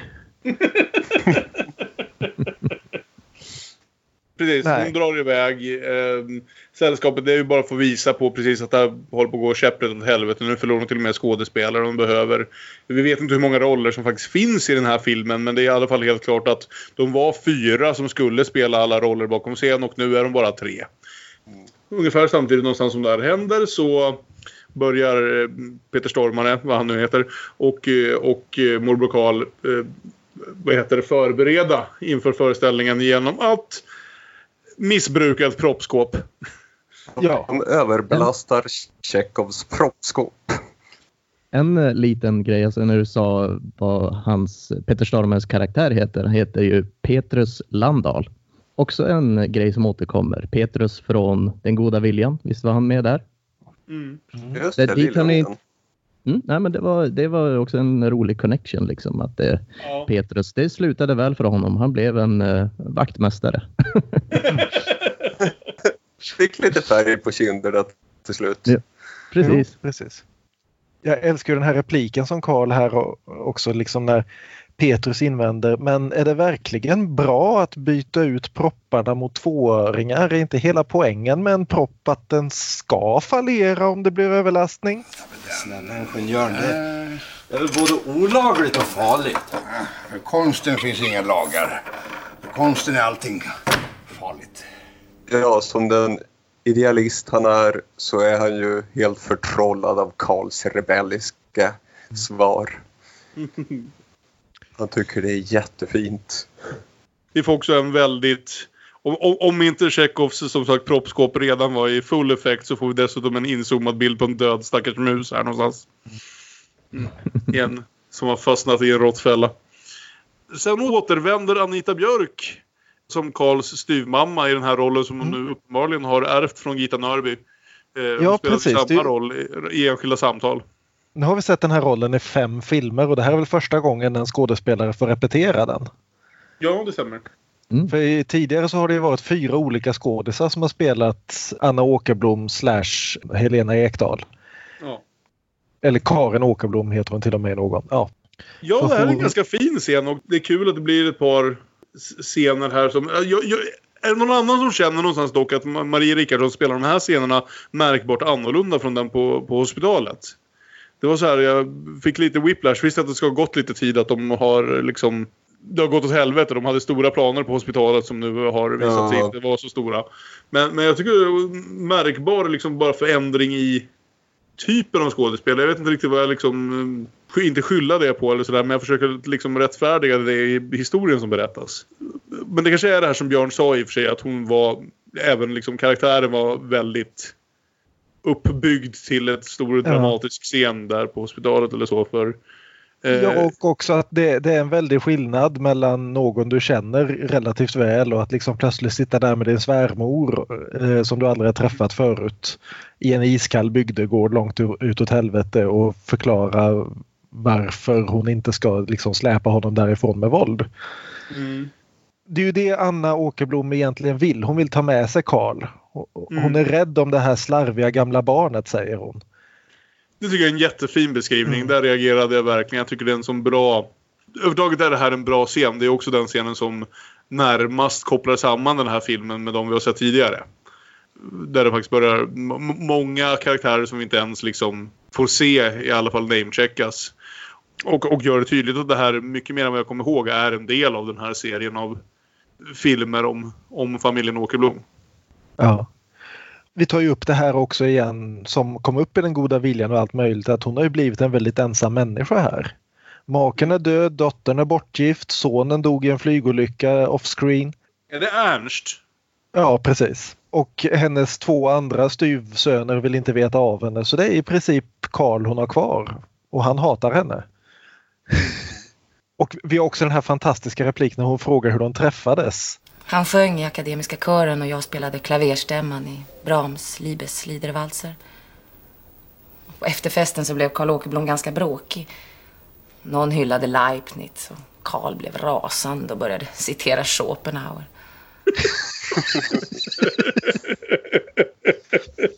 Så vi gör det i Uppsala. Ja, precis. Och det finns också ett fantastiskt roligt ögonblick här när de börjar berätta det här om att Karl varit ute och vänstrat med vad hon nu heter, Mia, den unga flickan. Och då finns någon slags, vad heter det, fotografi taget på inspelningen som visar uppenbarligen exakt ögonblicket. Inte bara när de sitter och tokflörtar med varandra utan att Pauline står asur suddig i bakgrunden och de zoomar Ja. in på det här. De har verkligen fångat liksom det här fotot som då ska vara tag, liksom snapshot tagen 1925 vid en filminspelning har verkligen fångat Pauline mitt i en double take. över att, liksom, men vad, vad fan! Karlslok! Det är det här mimet med den sura flickvännen. Det är fan exakt den! Han var före sin tid, Ingvar. Jag har två memes att sätta ihop innan lagom till att vi ska släppa det här avsnittet om någon Ja. månad. Ja, sen kommer alla de elva betalande. Inklusive ett par, Det är ju par stycken vi känner igen. som gästar.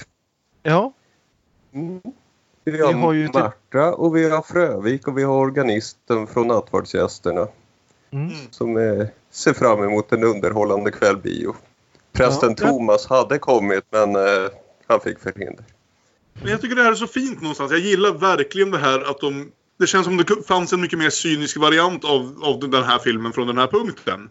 Nämligen där de mer eller mindre är charlataner som är ute efter pengarna och är lite missnöjda med allt det här. Och allt det här spelas lite mer, vad ska vi säga, hårdhudat. Och det nästan känns som att det är dit den här filmen är på väg. Men grejen är att jag tycker filmen visar en sån värme för de här 11 människorna i Frövik som bara är ute efter att få lite konst och lite kultur. Och även det att de andra karaktärerna, att Karl och Pauline och uh, Fågler respekterar det till den grad de gör. Det är också därför de är där. Visst, det gör väl ingenting om de tjänar lite pengar på det, men det är inte därför de är här. Det är inte därför de gör det här. Eh, och, jag, och jag älskar det. Jag tycker de bygger ett litet samhälle, en liten liksom... Vi spenderar ändå så pass mycket tid med den här publiken på något sätt att man nästan lär känna dem. Att de får bli liksom riktigt skickligt liksom snidna små sidokaraktärer i den här produktionen. Så jag tycker det funkar oerhört väl. Jag skrev i mina anteckningar han måste ha sett Avengers, men det var ju långt före. för det här är ju liksom, jag blev också väldigt glad när jag såg allt det här, för man har ju nästan lärt känna alla de här karaktärerna innan. Algot Frövik från Nattvardsgästerna, Märta också från Nattvardsgästerna, Karin. Liksom det, det vävs ihop här till en enda stor Avengers-film. Ja. Och så att Lena Endre återigen får spela ytterligare en kvinnoroll här. Hon har alltså varit med, av de här fyra självbiografiska filmerna så har varit med i tre och spelat helt olika karaktärer i alla tre. Och så dyker ju Karin Bergman upp också, spelad av Pernilla August som vanligt. Det är ingen Precis. jätteroll hon har här, men hon är med i alla fall och det är ju trevligt. Och Inga Langré är också med i publiken. Kul att se henne. Ja, det är Inga Ja, och som det är- presenterar alla de här människorna som kommer in. Det är hon som har hand om den lilla biografen i Grånäs. Ja, det är så det är. Ja, så det är hon som får presentera oss för alla de här människorna som, som kommer dit. Eh, Det är jättekul att se henne som sagt. eh, Bergmans första leading lady. Och det är ju också någonting fint med hur Ingmar kopplar ihop sin barndom och sitt konstnärskap här. För han har ju som alltid sagt att ja, hela mitt konstnärskap det kommer ju från barndomen att hålla kvar vid den där barnsligheten, bygga världar. Så varför inte samla sina verk, ta plats där i hans barndom. Mm. mm. Under den här första timmen så visste jag liksom inte riktigt vad jag tyckte om den här filmen. Jag visste inte om den var på väg åt ena eller andra hållet. Om jag skulle känna att det var en av de här lite trögare, lite som efter repetitionen landade hos mig. Att det ändå blev någon slags själv, lite självupptaget, trögare tv-teater. Men den gör den här fina vändningen i tonen här. Till att faktiskt bli någonting som säger att vi ska bry oss om det här. Den tänker inte håna vare sig Karl och hans sällskap eller de här människorna som kommer få titta på konst i Grånäs. Och där vinner den över mig lite grann vill jag säga. Jag tror det är nästan i och med den här scenen att eh, när, när vad heter det, Inga Landgren får presentera oss för, för publiken i Grånäs som jag känner känslan att jo, men det här är en film jag tycker om, det här är en film jag, jag är med. Och ja, nej, då, fr- från den punkten tycker jag att de kommande 40-45 minuterna är bland det finaste vi har sett honom göra här nu sen i den här epilogsträckan efter Fanny och Alexander. Mm. Ja, det är trevlig stämning här. Och eh, man märker också på bakomfilmen att har vi någon gång sett Ingmar på ett så gott humör som vi ser honom här? Han är på ett vansinnigt gott humör i den här bakomfilmen. Ja. Och han tycker det är så roligt med de här gamla sakerna och han kan inte sluta prata om sina leksakståg och kommer på att just tusan, vi måste ju filma också. Ja. Och, och, och, inte minst hur, hur eh, aktiv han är, fysiskt aktiv. Han var ju ändå ja, var 79 när han gjorde den här filmen. Han rusar runt och han liksom rycker tag i saker. Han bankar på dörrar och han... Ja. Mm. Jo, mm. när de ska springa genom korridoren så springer han i täten för att visa hur det ska ja. gå till. Det är väldigt... Ja, han är full av liv. Mm. Och han älskar sin rullstol som... Alltså inte en rullstol utan en stol med hjul som han mm. rullar på i jävla tempo mellan skärmar och repetitioner och tagningar. Det här var väl också, nu går jag in på lite hans privatliv här, men hans fru, eh, sista fru då, som var med Ingrid von Rosen, dog ju två år innan den här gjordes. Så det är ju strångt liksom av honom att eh, kunna ändå vara så aktiv. Det är beundransvärt. Mm, mm, mm. Precis. Jo men det är väl kanske den här känslan av att han har ändå inte regisserat något på riktigt den här nivån på ett bra tag nu. Eh, nu har inte jag sett alla de här små sakerna som, som Aron har sett. Eh, men han har ju inte gjort en scen som innehåller så här pass många människor på ett bra tag antar jag. Det är kanske sen Fanny Alexander. Jag menar, herregud, ja, han, han har gjort det på teater men inte på film. Nej. Nej, och det, man får väl kanske lite känslan av att det är just det här med att faktiskt göra på film som liksom inspirerar honom. Så här ska vi filma det, så här ska vi få det att funka. Eh, att han faktiskt hade saknat det mer än vad han trodde. Han var väl ganska isolerad där ute på Fårö. Så kul att komma tillbaka och träffa sina vänner. Det är också roligt att se en ny skådespelerska på plats och Ingmar skriker ju en massa instruktioner och han skriker dem verkligen. Och han märker att skådespelerskan blir lite ja, taken aback av det.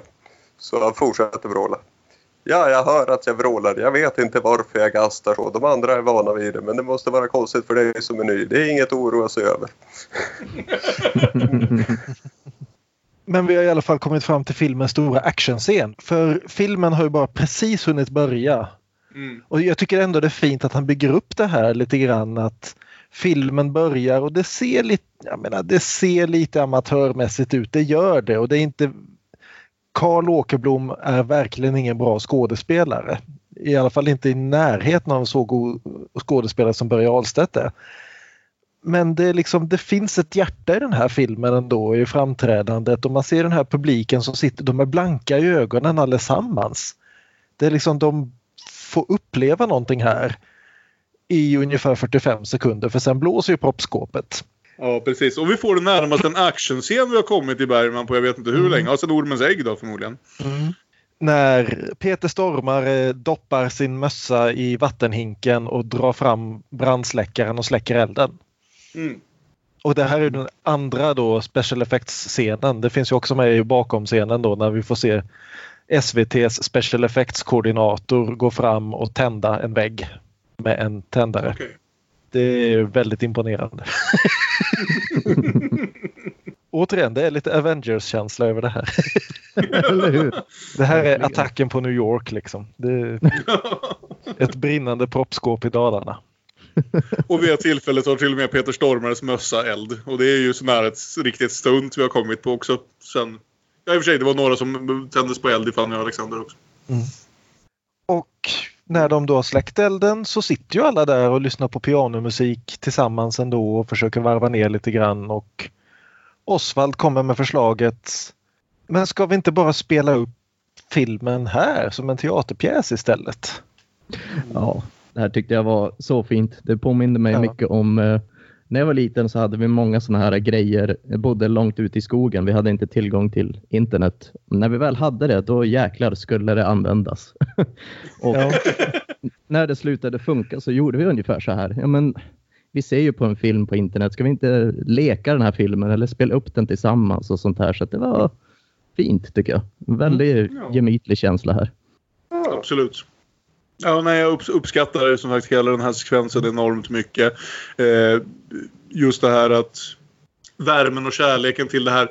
Att, att någonstans, visst det har gått åt helvete rent eh, ekonomiskt. Men, men Karls plan har ändå funkat. Det här fångar folk. Liksom, det må inte vara så hög kvalitet men det, om man ser det rent jämfört med resten av världen. Men för 11 människor i Grånäs är det här den starkaste konstnärliga upplevelse de har haft. Och det är nog så gott liksom. Inte riktigt va? Det är väl några som säger att jag måste gå hem snart och det börjar bli sent och jag måste skotta och så. Ja, De jo, vill inte egentligen vara där men eh, vad fan. Nu när de ändå är här så kan de väl passa på liksom. Jag får inte känslan av Mm. att de är jätteexalterade av det här teateruppspelet som de gör men de vill ju stötta sina, sina vänner liksom. Mm. Och också Jag får ändå känslan av, jag tror att de vinner över dem. De blir chockade till en början eftersom det börjar med den här, eller ganska tidigt i alla fall, är den här ganska grava misshandelsscenen där Erland Josefsson får spöa upp Maria Rickardsson på scen. Vilket inte publiken i Grånäs är sådär jättepeppad på. De är uppenbart starkt berörda men man vet inte riktigt på vilket sätt. Men, men jag gillar verkligen det här att liksom den här filmen, att Larmar gör sig till, tar sig tid och låter oss se stora delar i alla fall av, av vad det blir av det här nu när de ska sätta upp det som pjäs. Vi får ju se liksom vad man antar är stora sjok av historien så som den skulle ha berättats på film. Jag är bara lite sur över att vi aldrig får se själva filmen så som den skulle gestaltat sig. Men ja. Ja, vi hade kunnat fått lite mer av den va? ja. Men, men det är som sagt det är väldigt fint men just mot slutet av första akten plötsligt hör vi pianomusik. Trots att Marie Rickardsson som är den enda som kan spela piano inte sitter vid pianot. Och vi inser ganska snabbt att det är bara Karl som hör den här pianomusiken och han tittar bort mot ridån så står ju clownen där och väntar på honom. Ja precis, hon har fått sitt eget lilla leitmotiv här som är samma Schubert-stycke som vi hörde precis i öppningen av filmen. Precis. Och då inställer sig frågan, det här pianoklinket som förvarnar om döden, är detta Bergmans diss mot Billy Augusts val av filmmusik i, i Den goda viljan? det eviga jävla pianoplinkandet. Ja, vem vet. Det vi sa då var väl ungefär att det fanns ju alltid en anledning till att Bergman efter ett tag valde, vad heter det, klassiska kompositörer framför nyskriven filmmusik. Och här är det väl att, ja du, Bille, ska man använda sig av sorgset pianoplinkande om och om igen kan man i alla fall använda Schuberts variant av sorgset pianoplinkande. Är det någon som vet vad det, den här alltså, pianostycket heter? Om det har någon anknytning till någonting i historien? Inte mer än att det är Schubert, men jag undrar ju om det är ur den här eh, sista, alltså den här symfonin som de diskuterar i, i pjäsen som skulle ha varit en film. Alltså ja, som Erland Josefsson och, och Börje Ahlstedt sen sitter och spelar den här scenen när Schubert har skrivit sin stora symfoni som hans bästa vän direkt säger är ja. Du är min vän Jacobi. Vi har tillsammans spelat igenom hela symfonin. Du är den enda som jag förtrott mig åt. Det är ett stort verk. Ja, stort. Inte sant? Mitt största. Jag menar långt. Det är en fantastisk replik. Ja. Men, men jag älskar, innan vi kommer dit så älskar jag också den här lilla eh, småscenen vi får mellan akterna här. När publiken hela liksom som publiken ofta gör när det är en sån här liten, liten, liten föreställning att det inte finns någon skillnad mellan eh, förövarna, eh, vad säger, utövarna och eh, publiken. Att de kommer fram och vill prata igenom det här och liksom visa hur mycket de själva kan. Och han klockaren är framme och frågar Ja men visst i slutet där, det är väl där Schubert får idén till sin stora symfoni och Börje Ahlstedt mer, ja, jo, ja, vi kommer fram till det i andra akten, lugna dig. och lärarinnan läser ett riktigt fint litet stycke här ur en bok som hon inte nämner vem som har skrivit, som jag gissar är Ingmar Bergman som har skrivit. Du klagar över att du ropar och att Gud tiger. Du säger att du är instängd och att du är rädd för att det är ett livstidsstraff, trots att ingen har sagt något. Betänk då att du är din egen domare och din egen fångvaktare. Du fånge, stig ut ur ditt fängelse. Och till din häpnad ska du finna att ingen hindrar dig. Verkligheten utanför fängelset är, är visserligen förfärande men aldrig så förfärande som din ångest långt där inne i det låsta rummet. Ta ditt första steg mot friheten. Det är inte svårt. Det andra steget är redan svårare men låt dig aldrig besegras av dina fångvaktare som bara är din egen rädsla och ditt eget högmod. Ja, hon har ett litet stycke om en man som plågas av att Gud tiger. Och mm. vi har ju sett henne i Nattvardsgästerna så varför dras hon till det stycket må man? Ja. Mm. Vi har våra gissningar. Jag undrade väldigt snabbt där om det här är Bergman som citerar någon annan författare eller om han har skrivit det här själv och bara lägger liksom sina egna ord i munnen på någon onämnd annan. Mm. Så jag googlade det här talet. Eh, det visar sig att det finns tre träffar på Google. Eh, alla tre är från Google Books. Det är från boken om författaren Ingmar Bergman. Det är från manuset till Armar och gör sig till. Och det är från förordet till Liam Norbergs självbiografi Sökarnas tid.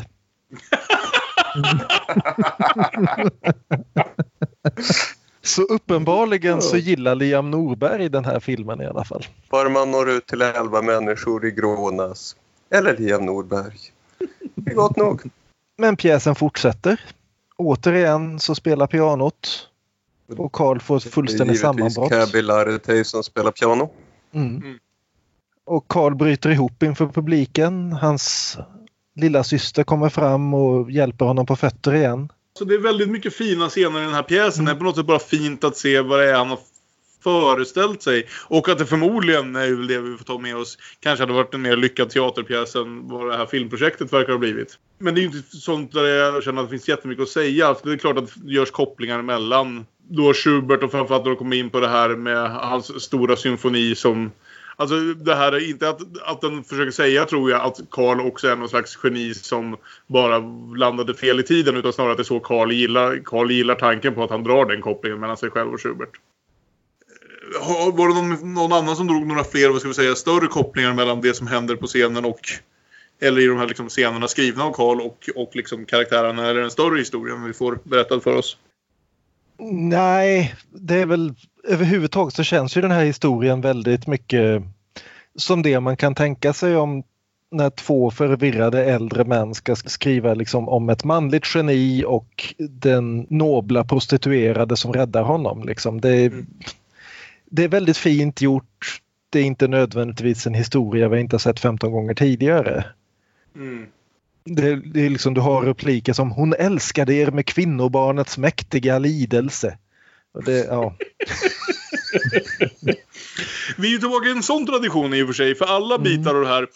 Det är fint på något sätt att se de här skillnaderna mellan att även när det bitar som vi som, jag höll på att säga biopublik, tv-publik i det här fallet, eh, märker är dåliga så hänför de ändå i alla fall bitar av den här publiken jag tror Bergman försöker säga något här om någonting. Att det, det, finns ingen mening att sätta sig på sin höga stol om, om vissa typer av konst förutsatt att den liksom påverkar någon. Och vilket, vilket väl liksom är en uppfattning som gör att han nu skiljer sig lite från hur han brukade se det på 50-talet när han tog varenda chans han hade att, att skriva parodiskt dåliga teaterpjäser som någon annan satte upp. Mm. Och det, det går ihop med den här som du sa, vad heter Bergmans video också. Att jag undrar om han har börjat om han börjar inse hur, att han brukade vara lite så här skitnödig och tänka på den stora konsten och bara vissa typer av konst är god nog. Och nu börjar få ett mer eh, perspektiv att nej, liksom även lägre former av konst kan vara nog så dugliga förutsatt mm. att de faktiskt gör någonting med människor. Det är vad jag får ut av den här samtidigt, samtidigt så är det ju åter, Tom nämnde ju uh, Gycklarnas afton och det känns ja. som att det här är väldigt mycket en uppdatering och återbesök av Gycklarnas afton. Mm. Återigen det här liksom, jag ska inte säga låga. Ni men det... Ni gör konster. Ja, precis. Ja, exakt. Men Bergman har väl alltid stått på de breda massornas sida skulle jag säga. Jag tror inte det är så mycket något nytt. Nej. Att han alltid varit för masskultur. Åtminstone ja. i sin teori, om än inte i sin utövning. Och det är väl Nej, inte i sin det, det utövning här heller. Så. Ja, jag landade lite fel i hur jag tänkte där. För det, för det han ju uppenbarligen har varit emot, det han, det han var parodisk kring oftast framförallt på 50-talet var ju folk som trodde sig själva göra stor konst medan de gjorde skit. Han var inte illvillig mot, vad ska vi säga, den konsten som visste att den var för de breda massorna. Utan han var, det han var illvillig mot var folk som hävdade sig göra storkonst när de egentligen bara larmade och gjorde Mm. sig till. Ja. Mm. När, när, när de bara var eh, Godard. Ja, precis. Ja, hur som helst, vi hinner nästan fram till slutet av pjäsen i alla fall innan Oswald Fågler får spel. Bryter karaktär, eller vad säger man på svenska? Han blir övertygad om att nu kommer hans hustrus, det har vi, det har vi inte nämnt, men det var ju hans hustru som finansierade hela den här skiten och när hon upptäckte hur dåligt det var så bara drog hon. Och de har spenderat 72 000 av hennes pengar. Och nu tror han att hennes eh, fogdar står ute i farstun och ska kräva tillbaka alltihopa. Och han får ett utbrott och kör den här klassiska Nu ska jag berätta en sanning, en konstnärlig sanning. Vet ni inte att en dag ska maskar äta era kroppar? Era inälvor ska tränga ut genom de skamliga öppningarna, genom de som finns och de som den stora drakens änglar sliter fram ur tarmarna på er. Jag, jag, jag fryser, kan inte jag få min överrock? Herr Fågler? Nej, det finns inget försvar! Herr Fågler talar om fel dag. Talar jag om fel dag? Alldeles fel. Med mitt raseri? Vad ska jag göra med mitt rättmätiga raseri? Jag älskar det här att den här publiken bara helt lugnt, nej men, men inte idag. Nej. Nej, det är så fint. Det- lugna ner dig. Herr Fågler Ja. talar om fel dag. Ja, Och precis. han- Och hur han reagerar på det också. Så, så förvirrat och så mjukt och så... Men mitt raseri. Vad ska jag göra med mitt rättmätiga raseri? Äh, vad snyftig. Ja, nej, det är en jättefin scen. Lena Endre, precis som så många andra här i Grånäs-publiken, gör väldigt mycket med ganska lite tid Ja. och utrymme. Och, och jag älskar just den där grejen, just detta, speciellt att, att han har döpts till Fågler. För Fågler har ju alltid varit de här som står i kontakt med musorna och som liksom har de stora sanningarna inom sig. Och nu ska han liksom använda konsten för att berätta de här stora sanningarna. Och de här landsbygdsborna som får se en pjäs om året bara säger Ja men det är klart att vi vet att vi ska dö en dag. Vad fan tror du vi är dumma eller? Det vet vi. Det har vi accepterat. Lugna ner dig. Den här sanningen du kommer med det är ingenting vi inte har hört förut. Jag älskar den här sekvensen. Om här. Jag ska inte säga att jag älskar hela den här filmen, för det är jag inte säker på att jag gör. Men det är 40 minuter här någonstans på mitten som jag tycker verkligen fångar något. Och någonstans... Det är så mycket av det här som, så, som vi har pratat om när det har blivit som tyngst med Bergman. Att det har blivit... Att han har förlorat någonstans den här livsglädjen eller för den delen glädjen vare sig i livet eller i konsten och allting har blivit bara jävligt deppigt ibland. Så jag älskar att han faktiskt kommer tillbaka till det, särskilt efter en ganska tung första akt. Att han någonstans... Att jag, när jag har sett den första akten väntar jag mig bara mer liksom misär och elände och det här kommer gå till helvete. Eh, och på något sätt gör det väl det också, men det är inte det han visar. Men så efter det här utbrottet så ska de slutföra filmen. Det är lite förvirrat men eh, förklarar i alla fall att sista bilden är en närbild på den döende mästaren. Så får man lov att tänka sig att det usla, illaluktande rummet fylls av ett gåtfullt ljus. Han hör de underbara tonerna, ler han. Trots att han är så trött. Och så säger han.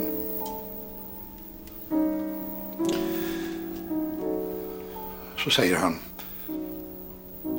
Jag sjunker. Och sedan tystnar sekunder lyssnar på sin musik. Och så säger han så tydligt som helst. Jag sjunker inte. Jag sjunker inte. Jag stiger.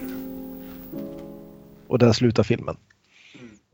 Inte den här filmen alltså, utan filmen i filmen. Precis, filmen i filmen slutar så. Ja, och sen så har vi åter och alla tycker att ja men det var ju fint. Behöver ni hjälp att plocka undan? Ja men jag kommer förbi imorgon och hjälper er ställa undan stolarna och det, det är direkt tillbaka till vardagen och jag, jag gillar det. Mm. Eh, Klockaren har sina åsikter. Han tycker inte alls om det här feminiserande tolkandet av Schubert. Finns alltid någon, hörru. Ja, precis. Everyone's a critic. Kulturmannen tyckte det var bättre när, det, när de spelade teater än när de, man fick se det på film. Mm. Och, och framförallt Karin försöker då få dem att komma och bo hos mamma över natten. Och mer eller mindre bönfaller honom. Ja, men du kommer att älska det. Po jag väcker pojkarna. Du kan göra trollkonster. Vi ska äta. Det, är liksom, det ska bli jättetrevligt. Men Karl svarar att det är för sent. Och han menar inte klockan. För efter vad som hände någonstans i slutändan kanske blev en ganska lyckad framställning av allt det här, av hans konst. Eh, så återvänder vi ju här sista tio minuterna till, till en deppigare punkt. Han och Pauline och Rigmor i ett litet rum igen. Då, då, funkar, då är det inte lika bra längre. Nej. I dubbel bemärkelse. och jag vet inte. Vad känner ni om den här sista scenen? Jag är lite splittrad känner jag. jag... Man måste ju liksom knyta ihop säcken på något sätt. Men jag vet inte hur mycket jag känner att jag, att jag behöver den. Jag tycker nästan, nästan att det här... Att sluta på den här punkten där han... Men där Pernilla August försöker övertyga honom att komma, komma med dem hem och kan säga att det är för sent för honom någonstans. Som görs klart vad det är som kommer hända ändå, vart vi är på väg. Jag är inte säker på att jag ens behöver de här sista tio minuterna egentligen. Jag kände de snarare kanske drog ut det här och förde det tillbaka till, till ja, men ungefär till den känslomässiga punkten vi var i första akten. Så jag vet inte om den vann något på det riktigt. Nej, vad som händer är Karl får ju ett våldsamt utbrott. Detta är troligtvis en drömscen igen. Dels därför att vi ser clownen och dels därför att det, det lyser väldigt starkt genom fönstren fast det är mitt i natten. Mm. Jag tänkte aldrig på det som en drömscen. Nej, och vid något tillfälle så säger till och med Pauline att du vet väl att du kan väcka mig när du vill. Du behöver inte vara ensam. Så som jag tolkar scenen i alla fall så sover hon genom alltihopa och han kämpar med sig själv. Jag gillar den något bättre då. Vad tror du Tom? Eh, jag har inte riktigt tänkt på det så heller, men eh, när du säger det så. Sure, why not? Ja, han ska ju alltså strypa henne och det enda som räddar henne är väl att hon inte gör något motstånd. Då låter han bli. Ja. Och Jag- jag- jag- blir oerhört sorgsam och lägger sig i sin säng och är ledsen. Men hon kommer och lägger sig på honom.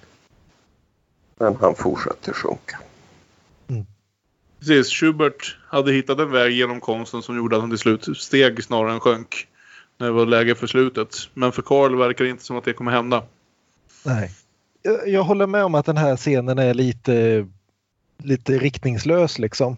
Men jag älskar just den här repliken när han går igenom. Men tänk om jag ändå hade följt med syrran upp till mamma.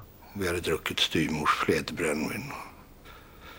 Serverat oss inlagd sill, gubbröra, leverpastej och gurka och kalla köttbullar och kokt skinka och förlorade ägg. Och det bästa av allt, fröken Nilssons viltpaté. Och sen, när vi var nöjda så hade vi hjälpts åt att duka ute.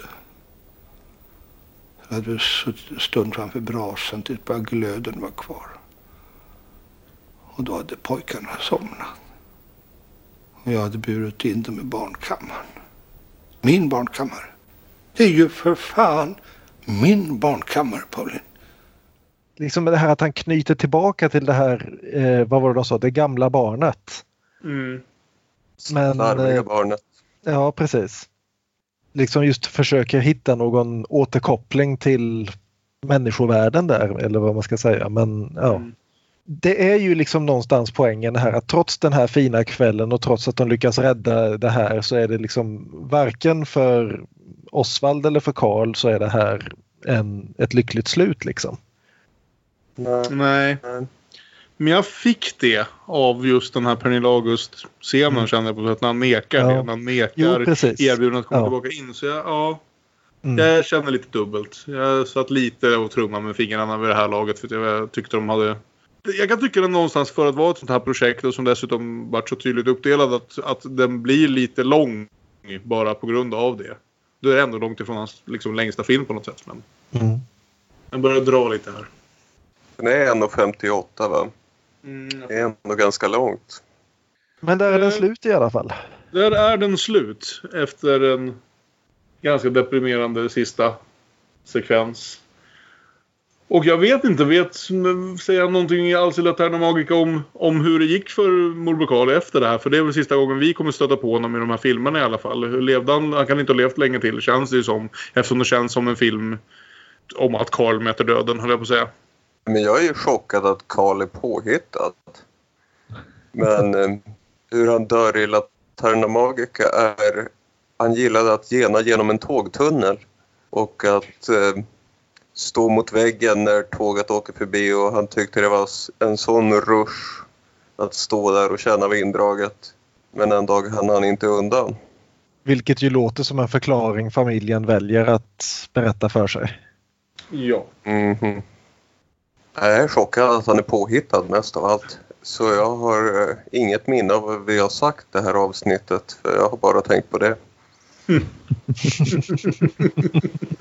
den här levde upp för mig som sagt på en omtitt för min första titt var uppenbarligen inte, fann jag den inte jätteminnesvärd.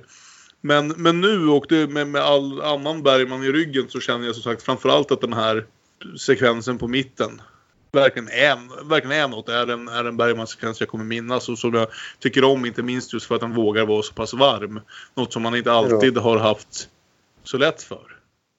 Ja, den där mittenbiten den dramatiserar lite det här som det mottot som sades efter repetitionen att skådespelaren, ordet, åskådaren. Det är allt som behövs för att miraklet ska verka. Mm. Och hans stora tekniska projekt att göra en talfilm med lite mänsklig närhet. Ibland betyder det så mycket. Mm. Tända ljus. Och det är ju någonstans också tänker jag att eh, Ingvar Bergman nu liksom, det här är hans näst sista film överhuvudtaget. Och han har gjort film i nästan 60 år vid det här laget. Gjort teater i 60 år. Att han liksom återvänder till, men tänk om man bara fick sitta liksom ett dussin människor och göra, spela upp, verkligen sitta i knät på publiken och bara liksom titta dem i ögonen när man spelar upp någonting. Ja, men precis hur, hur både omöjligt och irriterande och fantastiskt det skulle kunna vara. Det, ja. Ja, det känns lite också för någon som har jobbat väldigt mycket med både film och, och teater. Som att Ingmar här, här helt plötsligt har bestämt sig på slutet och sa nej, teater vann. ja, det var väl det han brukar säga. Ja. Filmen är min älskarina. Ja, just det. Vad säger du Tom? Teatern har du några? Efter jag håller med där. Alltså, det här, jag känner igen mig lite grann. Jag har jobbat, jag har gjort en eh, film efter jag slutade studera och eh, mm. Det här med att ha så stora ambitioner eh, ska man oftast inte ha för det kan falla platt och då blir man väldigt besviken. Men om man är beredd på att det kommer falla platt och göra det bästa av det som de gör i den här filmen så blir oftast, ja resultatet kanske inte blir så bra men känslan som man har själv kan vara väldigt fin faktiskt. Mm som sagt, så det var, det var fint. Vad är det för film du gjort? Eh, ja, det är bara en eh, liten kort skräckis som inte gick någonstans. Den eh, hamnade på Youtube och fick 200 visningar än så länge, men eh, vi, vi lämnar det där. Ikväll blir det 203. Ja, Precis. tack. tack. ja, härligt att höra. Ja, hörni. Har vi någonting mer om att larma och göra sig till? Eller ska vi knyta ihop säcken för den här veckan? Jag tycker nästan vi kan göra det för jag tycker vi har pratat väldigt många delar av det nu. Ja. Då ska vi väl hinna med lite dubbelbull innan vi avslutar, eller vad säger ni? Dubbelbull, dubbelspel, parhäst, filmfest. Bang, bang, dubbelbull, bang, bang, dubbelspel. Ja, nej men vi börjar väl hos vår gäst. Tom, har du någon bra, något bra förslag på en film som man kan se tillsammans med eller istället för Larmar gör sig till? Ja, eh, jag letade, behövde inte leta så väldigt länge utan jag väljer Ed Wood från 1994. Eh, Tim Burtons andra, jag vet inte om det är andra samarbete med Johnny Depp innan han blev världskändis. Som också handlar om eh, film och eh, problem med att göra film och göra konst och göra inte konst. Eh, vad betyder det att vara en konstnär? Som då hamnar i, alla dessa frågor hamnar hos då regissören Edward Dewar Jr som är, ja, han har gjort många roliga filmer. In, inte så många bra filmer kanske, men väldigt sevärda filmer. Precis. Ja, verkligen. Jag, jag, eh, tycker att världen behöver lite mer Ed Wood. Mm. eh, som sagt, han var en av de eh, klassad som världshistoriens sämsta regissör. Och eh, Johnny Depp spelar den här rollen med bravur. Jag tycker att en av hans bästa roller innan han blev som sagt überkändis. Mm. Eh, ja, som sagt, hans eh, trubbel och eh, fram och motgångar på 50-talet eh, med att göra film. Eh, lite som morbror Karl här, han hade det inte heller så, så lätt.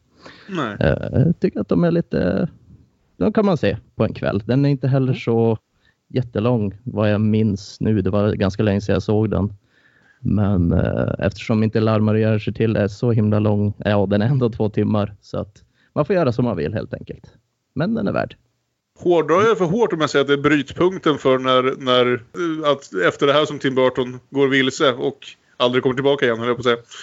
Ja, jag håller med. Jag älskar Han gjorde väl Big Fish efter den i och för sig. Ja, jo. Big Fish är, Big Fish är ganska fin. Det kan jag. Och mm. jag har inte Vad tycker sett, ni om Sleepy eh, Hollow? Jag har inte sett Sleepy Hollow som bion och jag vill minnas att jag tyckte den såg bra ut. Men jag vet inte hur, hur väl den lyckades i övrigt som film. Men ärligt talat, det är verkligen från en biovisning 1999 eller när det var. Ja, jag såg nog om den på VHS sen 99 efteråt. Men det är ungefär det senaste jag såg den också. Mm. Men jag tyckte väldigt, väldigt mycket om den då. Jag har inte sett Big Eyes heller, heller som man säger är väldigt bra. Okej, okay. jag har genuint inte sett en Tim Burton-film på tio år tror jag i och för sig. Jag tror inte jag har sett någon sen, sen musikalen som jag tappar namnet på. För att jag fann den ganska outhärdlig. Vad fan heter den? Todd. Ja, tack. Vart ska vi gå härnäst? Aron? Det finns ju många bra filmer om att göra film. Ja, jag såg om den här igår. Den som jag nu ska välja. Det blev ju nästan en riktig dubbelbull. Så jag tar väl den. Och det är också en filmälskare som tittar tillbaka på sin barndomsmiljö. Det är Once upon a time... Punkt, punkt, punkt, in Hollywood. Mm. Av den gode Quentin Tarantino från i fjol. Nu ute i en fin Blu-ray-utgåva. Där Buffy-entusiaster kan konstatera att Danny Strong finns med i en borttagen scen. Mm. Ja, det såg jag någonstans. Möjligen på Danny Strongs Twitter. jag tycker det är en väldigt fin film. Mm. Det är kärleksbrevet till mediet, film eller historieberättande överhuvudtaget. Och lite baksidan på det också. Även om det är väl lite mer framgångsrika människor än den stackars Karl som vi får följa i Hollywood. Mm. Bra film. Ganska lång. Kan behövas kaffe om man ska hinna båda på samma kväll. Det är sant. Men... Björn? Eh, jag tänkte faktiskt först tipsa om en film som jag inte sett på ganska, sedan den kom ut för ungefär 5-6 år sedan. Eh, som är Eli Roths Clown. Som alltså är en väldigt våldsam film om en väldigt våldsam clown Eh, och halva skälet till att jag ville, ville ha den var just att Peter Stormare är med i den och spelar en clown slayer som heter Bert Karlsson. Men när jag sen faktiskt satte mig och tittade igenom och tänkte igenom den här filmen och såg igenom bakom filmen också så kom jag fram till att framförallt när jag antecknade mig igenom den här filmen och den här scenen när Osvald, som vi inte berörde så mycket nu, men där Osvald kliver upp innan de börjar visa filmen och ska presentera filmen. Och de går mm. igenom, kom ihåg nu, du är i Grånäs, Grånäs, säg Grånäs och sen säger han inte det. Och jag bara halvt väntade mig att han skulle säga Hello Cleveland så jag måste ju säga This is Spinal Tap. Just apropå filmer om människor som verkligen inte ska hålla på att vara liksom konstnärer och ge sig ut på turné och försöka leva på det här för de klarar inte av det. De klarar inte av vare sig den mänskliga sidan av det eller den konstnärliga sidan av det. Men på något vis så lyckas de ändå beröra någonting både hos varandra och hos publiken. Mm. Och This is Spinal Tap är en av mina absoluta favoritfilmer. Dels för att den är så väldigt, väldigt dum och den porträtterar människor som är så väldigt, väldigt dumma. Men också att den hela tiden lyckas på något vis bygga upp någonting som känns på riktigt. Trots att mm. det är mm. dåligt så blir det, det, blir, det är samma känsla som med Ed Woods filmer. Liksom att det här är inte bra men det berör mig någonstans ändå därför att det här funkar. Mm. Och det faktum att den här dumma lilla kultfilmen liksom fortfarande håller på att hitta, på, hitta nya tittare och fortfarande liksom de här gubbarna är ute och turnerar med det här fortfarande och skriver nya låtar och ut nya skivor för det här fejkbandet. Och det är, jag är så fascinerad av det och jag tycker att jag får ingen annan chans i Demonpodden att få in den än här så ja, vi säger den ja. helt enkelt. Men det är en toppenanledning. This is Spinal Tap av, regisserad av Marty DeBurgi.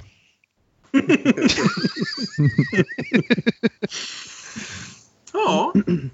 I verkliga livet, det andra lilla projektet som jag håller på med simultant med Demonpodden högst privat är väl att försöka få ihop någon slags topplista över 2010-talets bästa filmer. Eh, det är jag inte ensam om vet jag, utan Aron sitter hemma på sin kammare och gör något liknande. Men eh, jag eh, dubbelbullade faktiskt den här på riktigt med att se om Inception. Och nu är inte Inception min faktiska dubbelbull, men jag kom på att mitt emellan de två filmerna, om man kombinerar Larmar och gör sig till och Inception, så tror jag man landar i BBC-miniserien Den sjungande detektiven. Eh, Dennis Potters finfina miniserie från 1986 med Michael Gambon.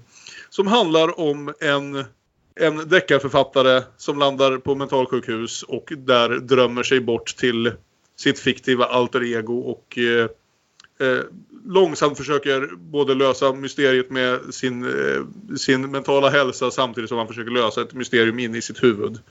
Och eh, det går att dra kopplingar både till Inception och dess användande av olika verkligheter och ja, morbror Karl på sanatoriet i Uppsala. Och det är en fin, fin, elknepig eh, liten eh, sex, sexavsnittsserie som jag varmt rekommenderar. Det jag inte varmt rekommenderar är den amerikanska nyinspelningen från någon gång på 2000-talet med Robert Downey Jr. som man inte ska leta upp och helst glömma bort finns överhuvudtaget. Jag visste inte att den fanns förrän du sa det nu så... Den sjungande detektiven? Nej, Eller men den amerika amerikanska remaken så nu måste jag ju leta upp den så att jag kan glömma den. Ja, precis. du har redan tänkt så mycket på den. Jag visste inte att det fanns något brittiskt 80-talsskit. Jag har sett fram emot att se Downey. Okej. Det var ju ännu mer fascinerande. Då har du ju faktiskt någonting, någonting ja. riktigt framför dig, Aron. Som att du inte har nog med saker att se just nu ändå.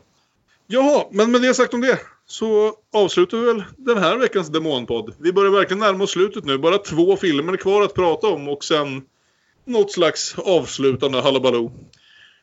Ni kan som alltid nå oss via sociala medier. Vi finns som att Damonpodden på Instagram och Twitter. Vi är Damonpodden med Ä på Facebook. Man kan mejla damonpodden gmail.com. Och hur är det nu då Aron? Har du skapat sån musik den här veckan? Det vet Kalle, jag. Den här veckan behöver du inte fråga för det är du som sjunger veckans låt. Jo, så är det ju. Får se hur det går. Vi ska säga så här, vi har inte spelat in den låten riktigt än när jag spelar in det här och eh, nerverna är inte helt. Men så är det. Spännande. Ni, alla, alla ni andra har ju liksom... Ni är många som har ställt upp och sjunga för Demonpodden. Medan jag bara har hört i lite små körinsatser här och var. Så ja, ja. Friskt vågat och allt det där. Vi vill tacka veckans gäst, Tom Åsberg. Tack för att du ville vara med. Ja, tack själv. Det var jätteroligt. Jag hoppas jag kunde bidra med någonting. Absolut. Och vi hoppas att ni återvänder nästa vecka när Staffan återvänder för att tala om Trolösa. Filmen som till en början inte ens fanns med i Demonpoddens schema men som han fick oss att lägga till. Så då får han fan vara med och prata om den också. ha det så bra tills vidare så hörs vi. Hej då! Hej då! Hej då!